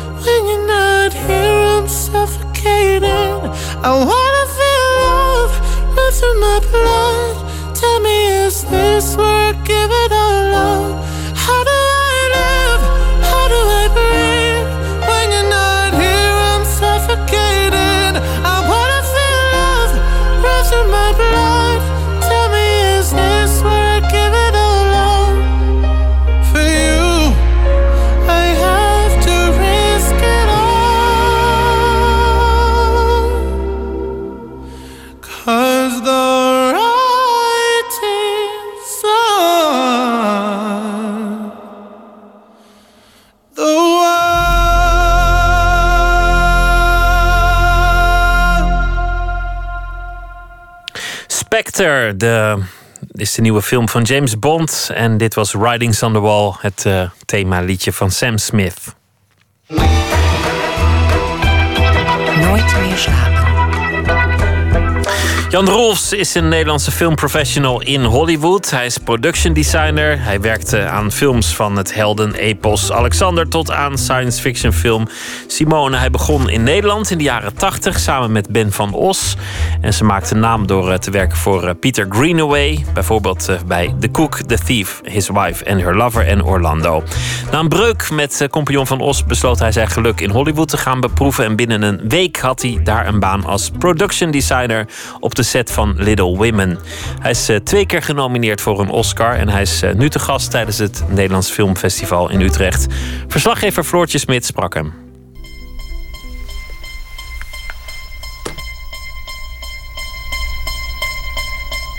Je hebt een idee en je loopt de studio in en die is eh, donker. Je doet het licht aan, er staat niks. Een, een maand of een week of drie maanden later staat er een wereld.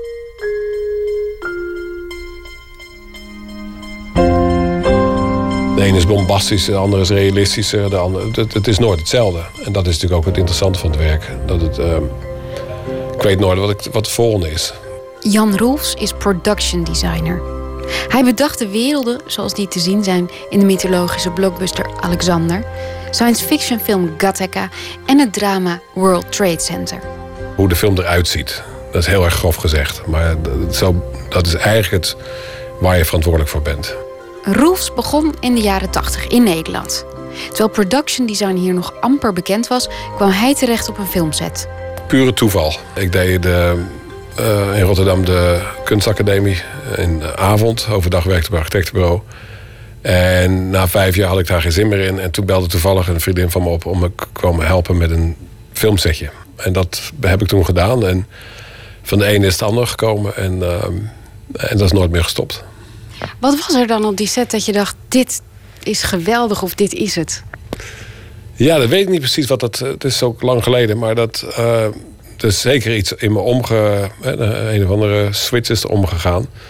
Toen ik het ontzettend naar mijn zin had en het erg leuk vond om te doen. En uh, ja, dat, dat is moeilijk om te zeggen wat, dan, wat er een beetje gebeurt. Maar er is blijkbaar een verschil dus tussen het, het werk wat je deed en dit. Uh, op het architectenbureau is natuurlijk alles echt.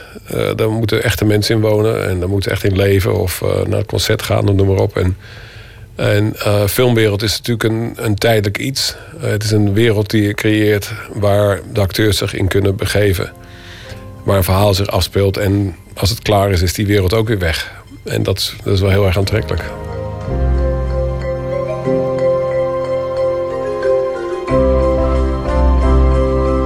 Je bent, ehm, je bent begonnen in Nederland in een tijd. Ik merk nu wel dat er een soort interesse komt voor production design. Maar toen jij begon, was dat volgens mij nog echt een ondergeschoven kindje. Volgens mij is het nog steeds een ondergeschoven kindje. En uh, wat ik merk, ehm, ja, het speelt niet echt. Uh, er is niet echt veel interesse voor. En ehm, ik merk ook dat heel veel regisseurs in Nederland het vak absoluut niet begrijpen. En, uh, Hoe bedoel je dat ze het niet begrijpen? nou, Hoe dat, merk je dat? Dat, dat productiedesigners worden niet ingehuurd. Uh, zoals ik ingehuurd word in Amerika, zeg maar, of in buitenlandse producties. Uh, het gaat niet over een decor. Daar word ik niet voor ingehuurd. Dat is maar één onderdeel wat ik doe. Het is ook een soort klankbord wat je begint met een, met een regisseur. Onderzoeken wat het moet worden. Um, en daarvoor, ja, ik ben meestal de eerste die ingehuurd wordt. Productiedesigner niet ik persoonlijk, maar als productiedesigner word je meestal als eerste ingehuurd. Ja, dat wordt ook heel erg gewaardeerd. Um, het is een groot onderdeel ook van de film, die je van, uh, verantwoordelijkheid voor neemt. Kijk, je ontwerpt niet omdat je kan ontwerpen. Het, het gaat over het verhaal. Je probeert het verhaal te analyseren. En uit het verhaal komt de vormgeving. Uh, dat, zo moet je het zien. Het, is niet, het gaat niet over vormgeving, het gaat over het verhaal vorm te geven. En um, beelden spreken, natuurlijk elk beeld is, kan een verhaal zijn. He, als je een, uh, een, een, een, camera zet op een lege straat, dan heeft meteen een publiek heeft zoiets van: uh, wat is hier aan de hand? Waarom is er niemand? Wat zou er gebeurd zijn? Dus met elk beeld kan je natuurlijk iets neerzetten. In the not too distant future, our DNA will determine everything about us. A minute drop of blood, saliva, or a single hair determines where you can work, who you should marry, what you're capable of achieving. Neem bijvoorbeeld Gattaca, een film waarmee hij een Oscar-nominatie verdiende. Een science fiction film over een maatschappij waar je DNA bepaalt hoe je leven eruit ziet. In a society where success is determined by science, divided by the standards of perfection. Uh, we hadden een aantal sets hadden we gebouwd. Waar de hoofdrolspelers wonen en speelden en noem maar op. En daar tijdens de rehearsals kwamen we er eigenlijk op, want dat deden we bij die film. De eerste twee weken voor dat draaien werd er heel veel gerepeteerd. Uh, kwamen we er eigenlijk achter dat het beter was om de sets leger te maken. Want als je uh, in die wereld, als je, als je de invalid was en je liet een haar uh, vallen of een, een schilfertje van je huid, dan kan je opgepikt worden en dan lag je eruit. En dus het was beter om een clean wereld te maken. Dus daar komt dan production design uit voort. En, en zo bouw je dat op. Dat gaat stap bij stap. But in a place where any cell from any part of your body can betray you, how do you hide? Cells a day. Ja, dat fascineert me altijd zo, bijvoorbeeld aan science fiction films. Als ik daarnaar kijk, denk ik, ja, dit is, dit is logisch. Hè? Zo moet die wereld in elkaar zitten. Het kan haast niet anders. Ja. Um, waar komt dat vandaan? Zit dat in je hoofd? Uh, um, ja, dan weet ik niet waar dat vandaan komt. Dat, uh, uh, maar ik neem nog steeds aan dat je wel voorbeelden uit kunst haalt en dat soort ja. dingen, of niet? Ja, nee, dat is altijd. Wil je je verzamelt je, verzamelt, uh, je omringt je zeg maar met zoveel mogelijk beelden, uh, maar ook lezen, verhalen en noem maar op. En, uh, maar beeldmateriaal is natuurlijk heel belangrijk. En, en dat is heel raar als je met een film begint, wat het dan ook is. Je kan het zien in een krant, je ziet het in een tijdschrift, je ziet het in een boek, je ziet het op de hoek van de straat, je, je ziet een kleur, je ziet een textuur, je ziet overal opeens denk je van... hé, hey, ik weet ook niet wat het is. Ik kijk naar een strijkplank nu. Um, en dan denk ik van, ja, dat oh, interessant. En dan maak je een fotootje van, dan sla je weer op en noem maar op. Er zit altijd... Altijd is er wel ergens iets. En, en, en langzamerhand beginnen die beelden te kloppen, zeg maar. En het zijn allemaal stukjes van puzzels. Puzzelstukjes. En die, uiteindelijk komt daar wel iets uit. Soms zijn er heel duidelijke ideeën hoe het zou kunnen. Uh, maar andere ideeën moet het echt samengesteld worden. Omdat de regisseur heel erg aan het zoeken is. De karakters zijn niet echt duidelijk. Um, het is vrij vloeibaar, zeg maar. Dit lijkt me heel erg moeilijk om aan een regisseur uit te leggen wat je dan wil. Ja, dat is ook niet makkelijk, want film uh, samenwerken gaat alleen maar over communicatie. Dus ja, communicatie en, en, en, en, en fysiek en, en beeldmateriaal, dat, dat is lastig. Ik zie iets en ik beschrijf het op die manier. En jij ziet hetzelfde ding, jij beschrijft het op jouw manier. Dus, maar ja, goed, dat is communiceren. En uh, uiteindelijk kom je er altijd wel uit. Heb je, wel eens, heb je wel eens echt een aanvaring gehad met een regisseur? Of dat, het gewoon, dat jullie gewoon botsten en dat het. Ja. Nee, nee, niet echt. Ja, dat je het ergens niet mee eens bent, maar dat is wat anders. Maar dat, kan, dat moet je dan zelf wegschakelen. Want, want uiteindelijk ben je in dienst van. Rolfs werkte vaak samen met Peter Greenaway, die bekend staat om zijn heel barokke decors. En hij werkte met Oliver Stone voor zijn epos Alexander, maar ook bij World Trade Center. Dat is een drama over twee brandweermannen die uiteindelijk onder het puin vandaan worden gehaald na 9-11.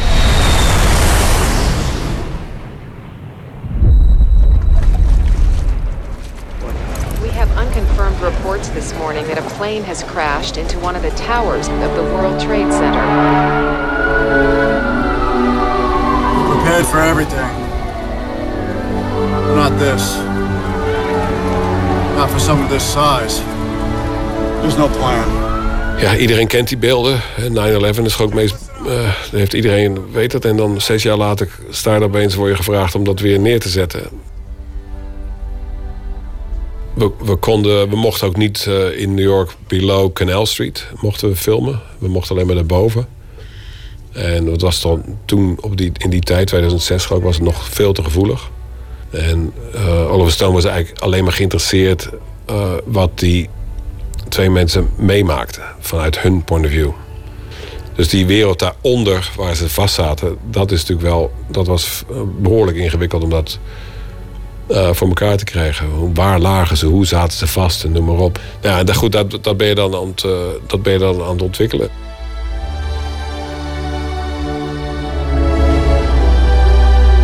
Je hebt uh, een Oscar-nominatie gehad voor Orlando en je hebt een Oscar-nominatie gehad voor Gattaca.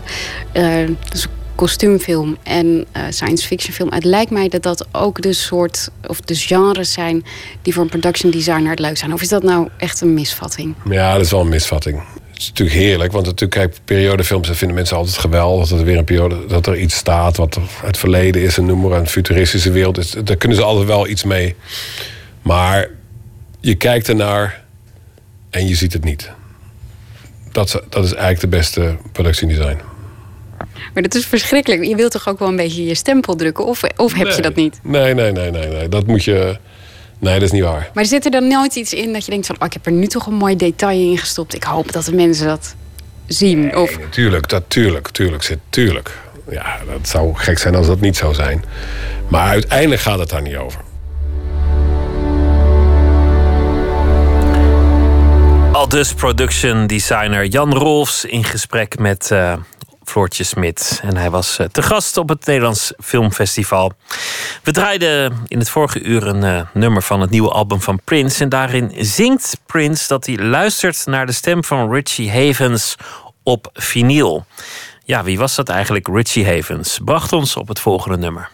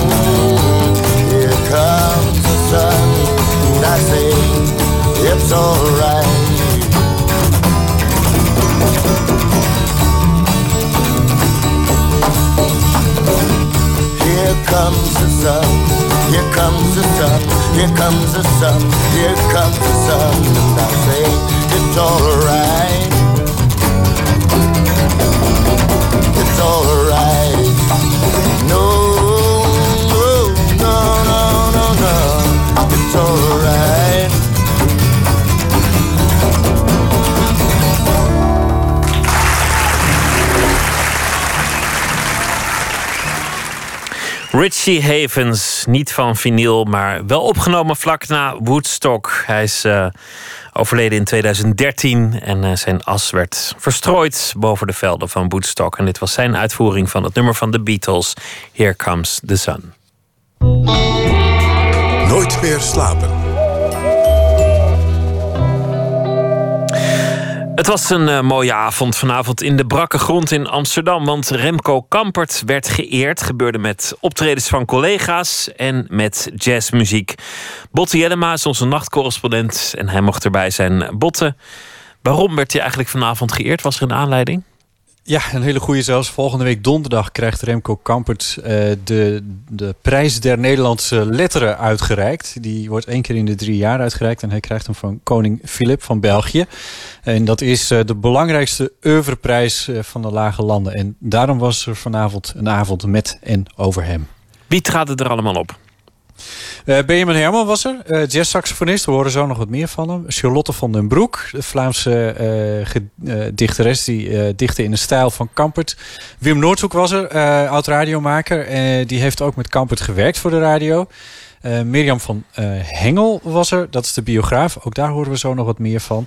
Uh, en dichtende collega's zoals Thomas Verbocht, K. Michel en Daan Doesborg waren er. Kamper trad zelf ook op. Zo bracht hij samen met Benjamin Herman en diens kwartet het gedicht Lamento.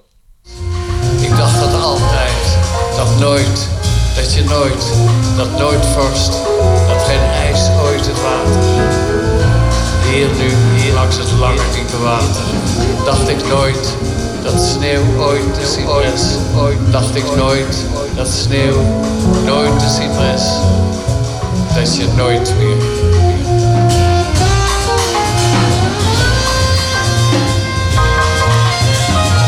Ja, en uh, ze, treden, ze treden vaker samen op. Benjamin Herman heeft in 2007 ook een cd uitgebracht met de titel Kampert. En daar deed Remco Kampert ook aan mee.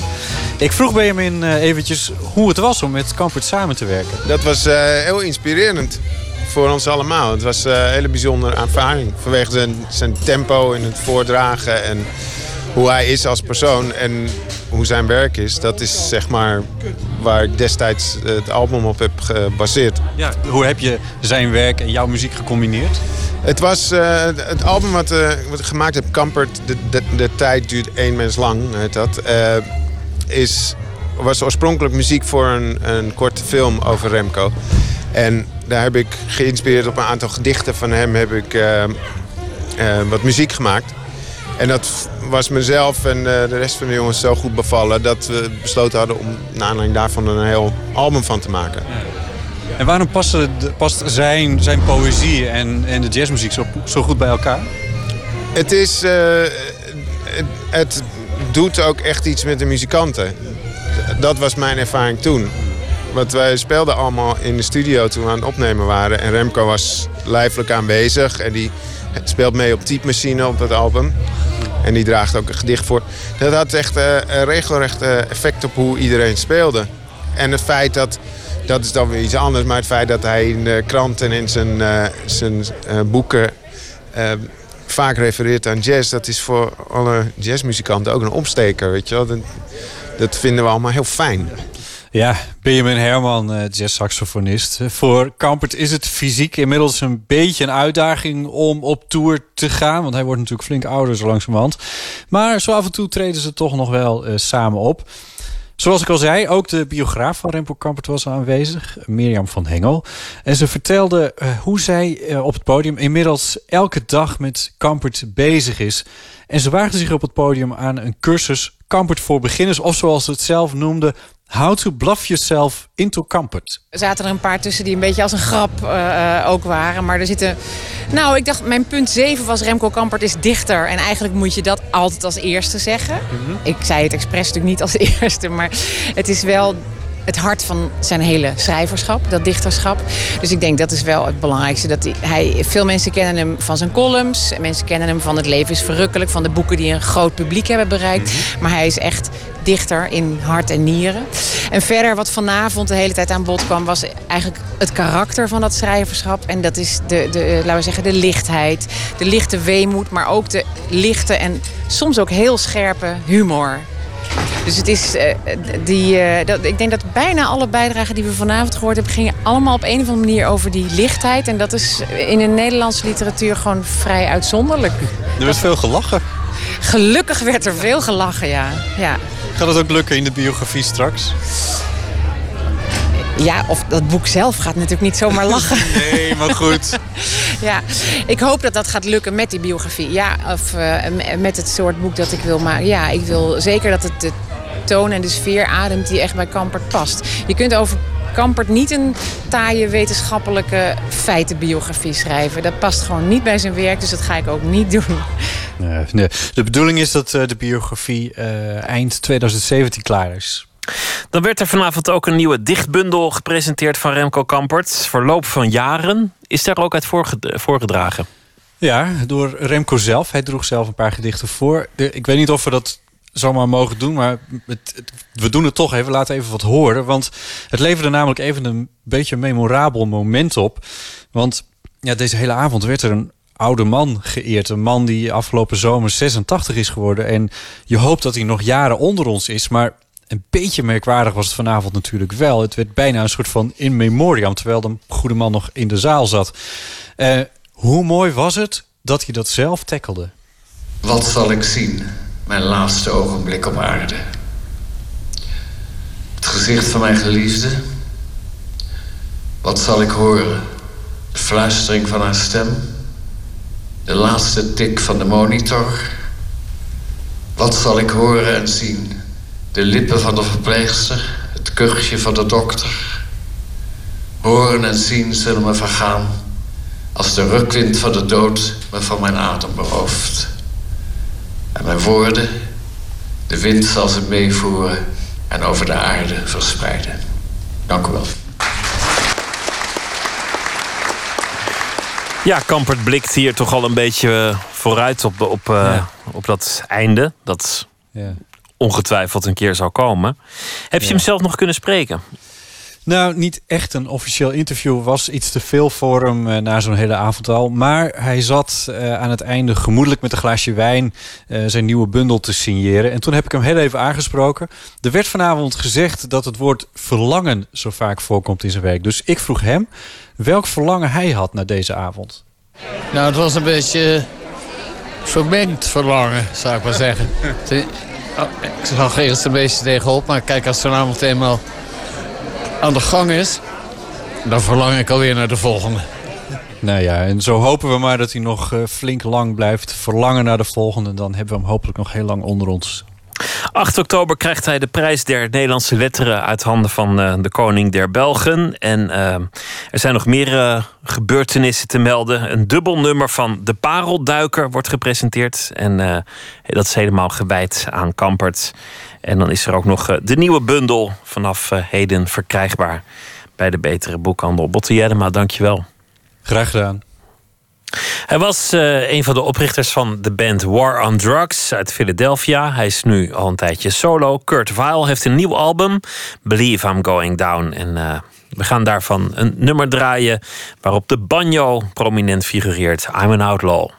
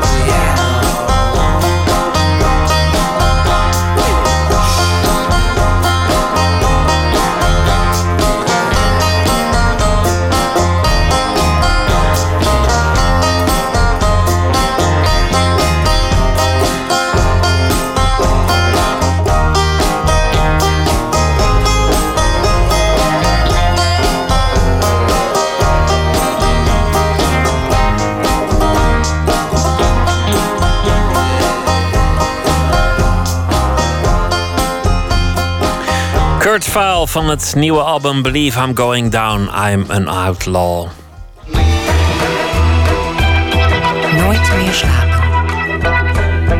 In het nieuwe boek van Tessa Leusja, Fancy's Stilte, dringt ze dieper dan ooit tevoren door in de geschiedenis van haar Surinaamse familie. Haar vader was een van negen kinderen, allemaal geboren in Suriname. Tessa laat al die ooms en tantes hun levensverhaal vertellen. En zo ontstaat een weinig verteld verhaal van een doorgaans zwijgzame Surinaamse familie. Middelpunt van het verhaal is Tessa's grootmoeder, in wie verleden en toekomst, slavernij en diaspora samenkomen. Matthijs Deen ging met de schrijfster naar het Oosterpark in Amsterdam om aan de voet van het slavernijmonument terug te kijken op die zoektocht naar haar familieverhaal. En Tessa vroeg om John Coltrane te draaien.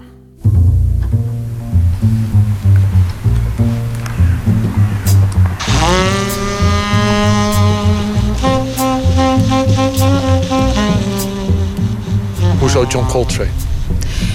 Toen ik opgroeide was het huis altijd gevuld met jazz. En uh, Coltrane was de favoriet van mijn vader. Weet je een nummer? Er is een nummer van Coltrane, dat vind ik prachtig. Ik weet niet hoe het heet, maar het is de melodie van The Sound of Music.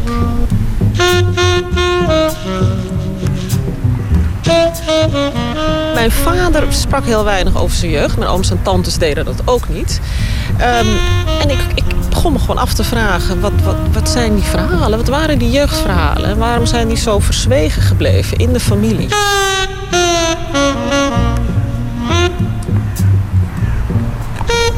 Het startpunt was eigenlijk jouw grootmoeder.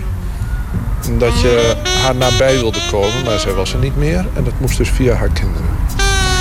Ja, dat klopt. Ik, uh, ik leerde mijn oma kennen in mijn, uh, in mijn vroege jeugd. Toen kwam ze bij ons logeren. En ze was voor mij een hele vreemde verschijning. Een, een, een Surinaamse vrouw. Ik ben uh, vrij Nederlands door onze Nederlandse moeder opgevoed. Um, en zij kwam en ze had een, uh, ze had een aparte soort theemuts op haar hoofd. Een hele donkere uitstraling. En ze was heel streng. We moesten opeens met twee woorden spreken. Geen lieve oma. Geen lieve oma. Wel een oma die respect afdwong. Maar ze was niet de schattige suikeroma um, um, die ik me had gewenst. Dus je een beetje bang voor haar? Ik was bang voor haar. Ik was bang voor haar. En ik heb er heel lang in mijn gedachten bewaard als een, een, een Norse, strenge vrouw. En pas toen ik in Suriname kwam wonen um, en ik, uh, ik me meer realiseerde ja, hoe, hoe, Tenminste, ik raakte gefascineerd door haar. Want ik, ik heb haar altijd weggezet als die Noorse vrouw. Uh, nu woonde ik in haar land. Uh, en ik begon me af te vragen, wie was zij eigenlijk? Maar is het zo dat op het moment dat je in dat land kwam... en je, je leerde de mensen kennen die daar gewoon hun hele leven gewoond hebben... misschien ook wel haar leeftijdgenoten, dacht je dacht... oh, natuurlijk, ja, dingen vielen op hun plaats. Uh, zij was niet zozeer streng. Dat was haar taalgebruik. Dat was Surinaams. Kort, bondig. Uh, zonder uh, overbodige woorden. Hè. Niet alsjeblieft, dankjewel. Maar gewoon pak het, geef het, neem het. dus zij, zij was niet, niet uitzonderlijk Noors. Zij was gewoon een Surinaamse vrouw.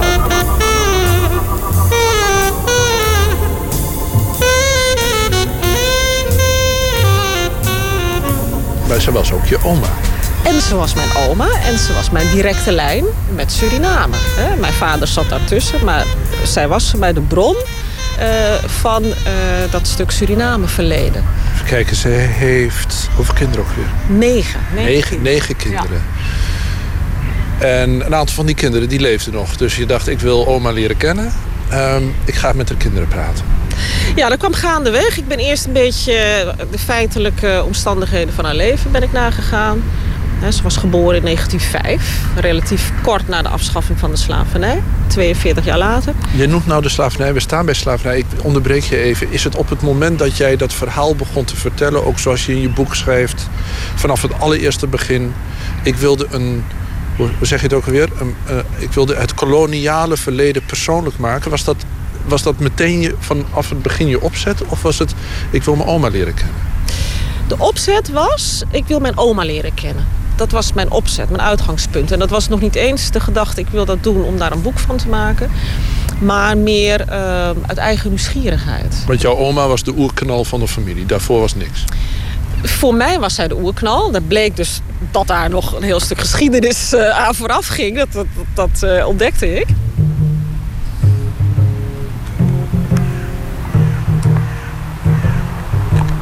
In jouw boek volgen we je. Je gaat eerst daar op bezoek en daar op bezoek. En dus langs één voor één leer je dus al die broers en zussen kennen. Het gedeelte Suriname, het grootste gedeelte hier.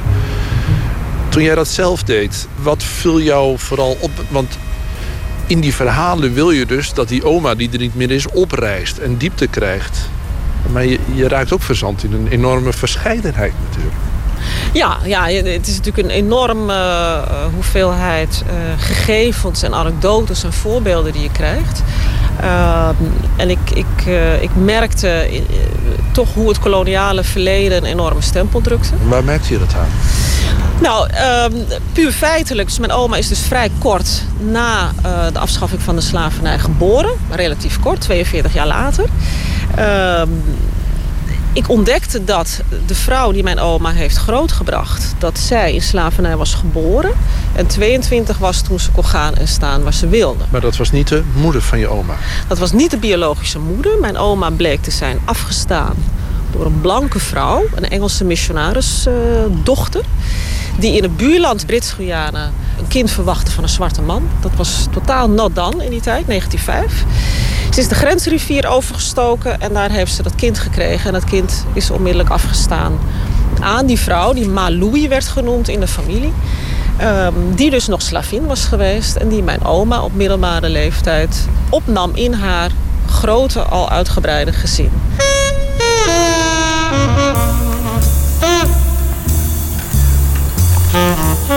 Dat aanvankelijke beeld wat je had als kind van die beetje strenge matriarch, ja, dat wordt eigenlijk alleen maar onderstreept.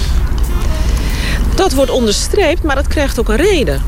Uh, je merkt dat, dat uh, hardheid en strengheid... dat is iets wat, wat zij met de paplepel ingegoten heeft gekregen. He, zij moest als kind allerlei klusjes ook doen in huis. Zij was dat pleegkind. En als pleegkind, nou ja, goed, sowieso ieder kind in die tijd had zijn taak. Uh, ja, daaruit is die vrouw voortgekomen. Dus die Noorsheid die ik in mijn jeugd van heb leren kennen... dat was eigenlijk iets dat zij... Ja, zij wist eigenlijk niet anders. Hoe was dat voor jou om die nabijheid van die slavernij persoonlijk te ervaren? Want dat was nog nooit eerder gebeurd. Dat was nooit eerder gebeurd. Ik heb in mijn jeugd, slavernij was een, was een, een onderwerp dat nauwelijks uh, langskwam. Niet in de geschiedenisboeken die ik op school had. Ik ben in Nederland opgegroeid. Toen ik in Suriname kwam wonen, toen vond ik het... ja, god, wat moet je daarmee met het onderwerp slavernij? Het is lang geleden, uh, kunnen we niet door. En toen ik besefte hoe dichtbij het kwam in mijn eigen familie... Hè, doordat uh, de opvoedster van mijn oma zelf nog slavin is geweest... en de gevolgen daarvan dus doordruppelden in, in wie mijn oma was... en dus ook mijn eigen vader... ja, dan wordt het een heel ander verhaal. Ja. Dan kan je er opeens bij eigenlijk. Je kunt erbij. Ik heb de indruk dat bijvoorbeeld in Amerika er een veel beter uitgewerkt besef is voor mensen die nazaten zijn van slaven. Um, wat het voor hun identiteit betekent. En dat de gevoeligheden die daarbij spelen ook breder gedeeld worden dan hier. Ik heb de indruk dat Nederland wat dat betreft enigszins analfabetisch is. En nu en dan ook overvallen wordt als het aan de orde komt. Maar misschien heeft dat voor jou ook wel gespeeld, omdat je hier bent opgegroeid. Dat klopt. Ik wist ook weinig van het verleden van Suriname voordat ik naar Suriname vertrok in 96. En een, een, een heleboel gedragingen van de generatie van mijn vader, die werden me ook duidelijk. Hè? Bijvoorbeeld... Ja, kan je daar een goed voorbeeld van geven? Ja, nou ja, een, een, tante van mij die vertelde dat toen ze in Nederland kwam wonen begin jaren 60... Eh, toen ging ze met de trein naar haar werk. Ze was uh, verpleegster. En als het dan koeler werd, vanaf de herfst... dan durfde ze niet de wachtruimte binnen van het station. Omdat ze vond, ja, dan kijkt iedereen maar naar mij. En dat vind ik vervelend. Maar ook voor de mensen is het vervelend... dat ik dan zoveel onrust veroorzaak. Trek die lijn eens naar de slavernij. Nou ja, kijk, Suriname was behalve een plantage-economie... het land was een bedrijf voor Nederland was het ook een klassenmaatschappij. De bovenlaag was blank, daaronder had je een gekleurde laag. En na de slavernij namen de Creoolse, de Afro-Surinaamse arbeiders... die namen de onderste laag in van die samenleving. En ze schikten zich daar ook in. Dus behalve dat het van bovenaf was opgelegd... namen ze dat ook aan. De slaaf was onderdeel van de persoonlijkheid. Slaaf, eh, donker zijn, minder zijn, werd onderdeel van de persoonlijkheid. En ehm, nou, dat uitte zich in allerlei kleine, kleine dingen. Bijvoorbeeld mijn tantes waren eeuwig bezig om hun haar glad te krijgen. Want je had goed haar en dat was stijlhaar. En je had slecht haar en dat was kroeshaar. Een andere uitspraak was je kleur verbeteren. Nou, je kleur verbeteren, dat deed je door een kind te verwekken bij een lichter gekleurd persoon dan je zelf was. Het is iets wat jouw Beethoven-grootvader dus gedaan heeft, maar jouw vader in zekere zin ook. Ja, ja, en dat was ook best status. Niet alleen mijn vader, maar uh, zijn broer in Nederland en nog twee van zijn zussen hebben allemaal blanke partners getrouwd. En dat is, ja, eh, voor mijn vader was dat ook wel iets, iets heel bijzonders. Hij had een, niet alleen blank, maar ook nog een blonde vriendin gevonden. En dat was ook wel iets wat met trots aan oma werd verteld, want hij had zijn kleur verbeterd. Voel jij je meer verbonden met de ene dan met de andere kant? Sinds ik in Suriname woon wel. Terwijl ik ja, opgegroeid in Nederland, maar uitsluitend verbond met de Nederlandse kant. Omdat die Surinaamse kant, die begreep ik niet goed. Hun gedragingen niet, hun grapjes niet. Uh, ja, de bitsheid van praten, de toon, de lichaamstaal. Ik kende de Nederlandse kant en ik voelde me daar verbonden mee. Dus je bent een beetje bitser geworden en daar voel je je lekker bij? Ja, ik kan wel, ik kan wel goed uit de hoek komen. Ja, dat hoort erbij. Ja, ja.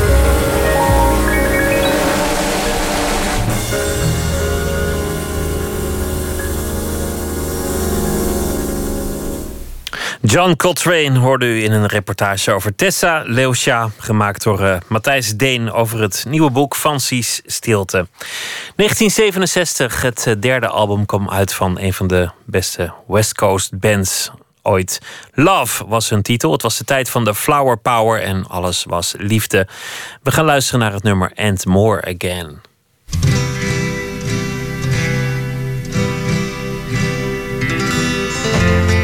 And if you see and more again, then you will know and more again.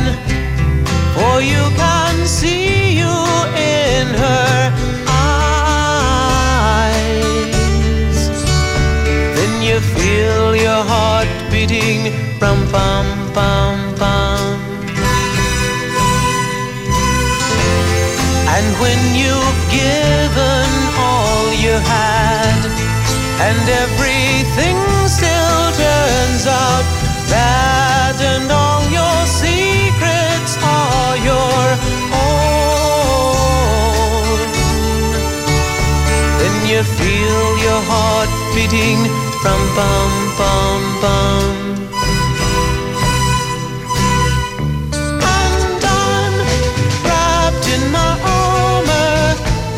My things are material.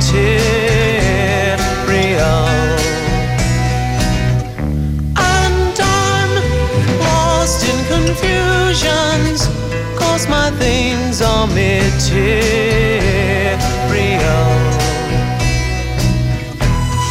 And you don't know how much I love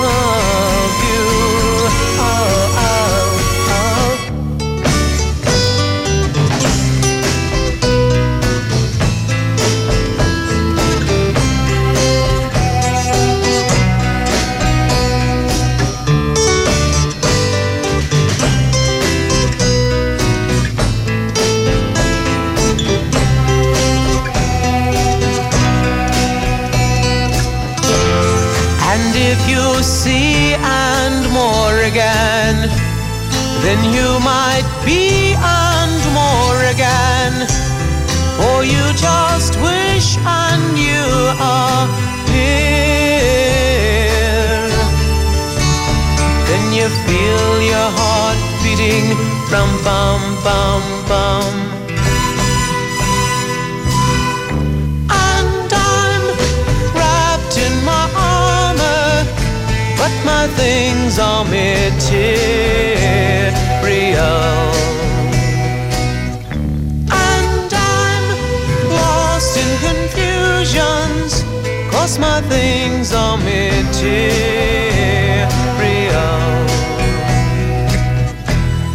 And you don't know how much I love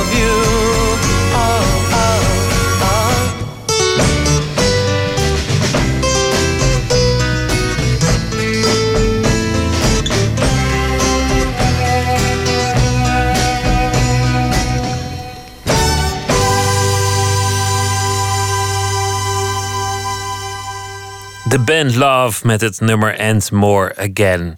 Lisbeth Lagemaat is dichter, zal deze week elke nacht een gedicht uitkiezen en voordragen. En ze heeft eh, nu gekozen voor een eh, gedicht van Conbert Aiken uit zijn bundel Preludes voor Memnon, vers 57.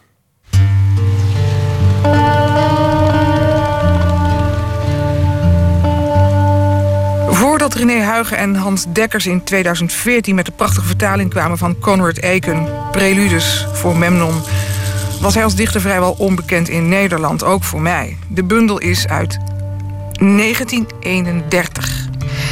En hij heeft dus na meer dan 80 jaar nu, door deze vertaling, een nieuwe groep lezers. Dat is mooi en dat is terecht. Je leest een ziener en een filosoof, een rusteloze zoeker. Je leest een kunstenaar die alles, alle kleinste gedachten tot in de kiem onderzoekt.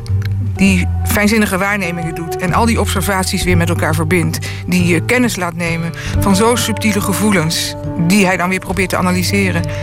In een rijke taal vol prachtige beelden, die je nergens anders tegenkwam. In een gulle stroom van woorden. De bundel is voor mij één groot, ademend en bewegend universum op zich, waarbinnen alles steeds verandert en beweegt.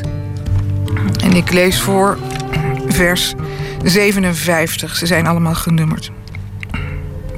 We zagen een vallende ster en toen nog één, terwijl we wandelden. Hij wees naar het westen en sprak: Hoe kwistig is de hemel met zijn sterren. Ze vallen en vallen en toch blijft de hemel de hemel. Verdwijnen er nog twee, toch blijft het zwerk het zwerk. Dus laat ons niet schraperig zijn met onze gedachten, nog met onze woorden, nog ze sparen alsof we onze geest zien als een hemel die kan veranderen en zijn kracht verliezen zodra één woord gevallen is. Laten we kwistig zijn, zoals het firmament. Verliezen wat we te verliezen hebben en geven wat we geven mogen. We blijven toch onszelf. Verspeel je een wereld? Is Saturnus verdwenen? Laat hem dan zijn ringen dumpen in het voorgeborgte van vergeten dingen. O nietige fatjes van de trotse geest, die hun frazen tussen lavendel bewaren, zonder ze te etaleren. En jij, die zich voor de liefde spaart, alsof er niet genoeg werelden van liefde overlopen. Laat ons roekeloos zijn met onze woorden en werelden, en die royaal verkwisten, zoals de bomen zijn bladeren. En hun geven, datgene waarop het meest een zegen rust. Waarvoor zouden we ze sparen? Voor een nacht met vorst. Alles voor niets. Verloren. En wij zelf? Een spooksel. Vers 57 van Conrad Eiken uit de bundel Preludes voor Memnon. Gelezen door Lisbeth Lagemaat. Morgen krijgt u weer een gedicht van haar. Morgen is hier te gast Ab Dijksterhuis, hoogleraar psychologie in Nijmegen. Werd uh, wereldberoemd met het boek Het Slimme Onbewuste. En heeft nu een nieuw boek Op naar Geluk. Hoe doe je dat eigenlijk, gelukkig worden, als je er al zin in hebt? Dat morgen. En voor nu een hele goede nacht en morgen een leuke dag. En graag weer tot dan.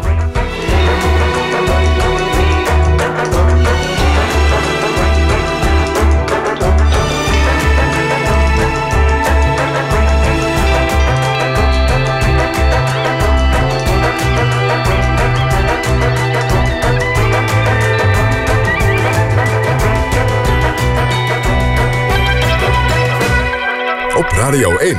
Het nieuws van alle kanten.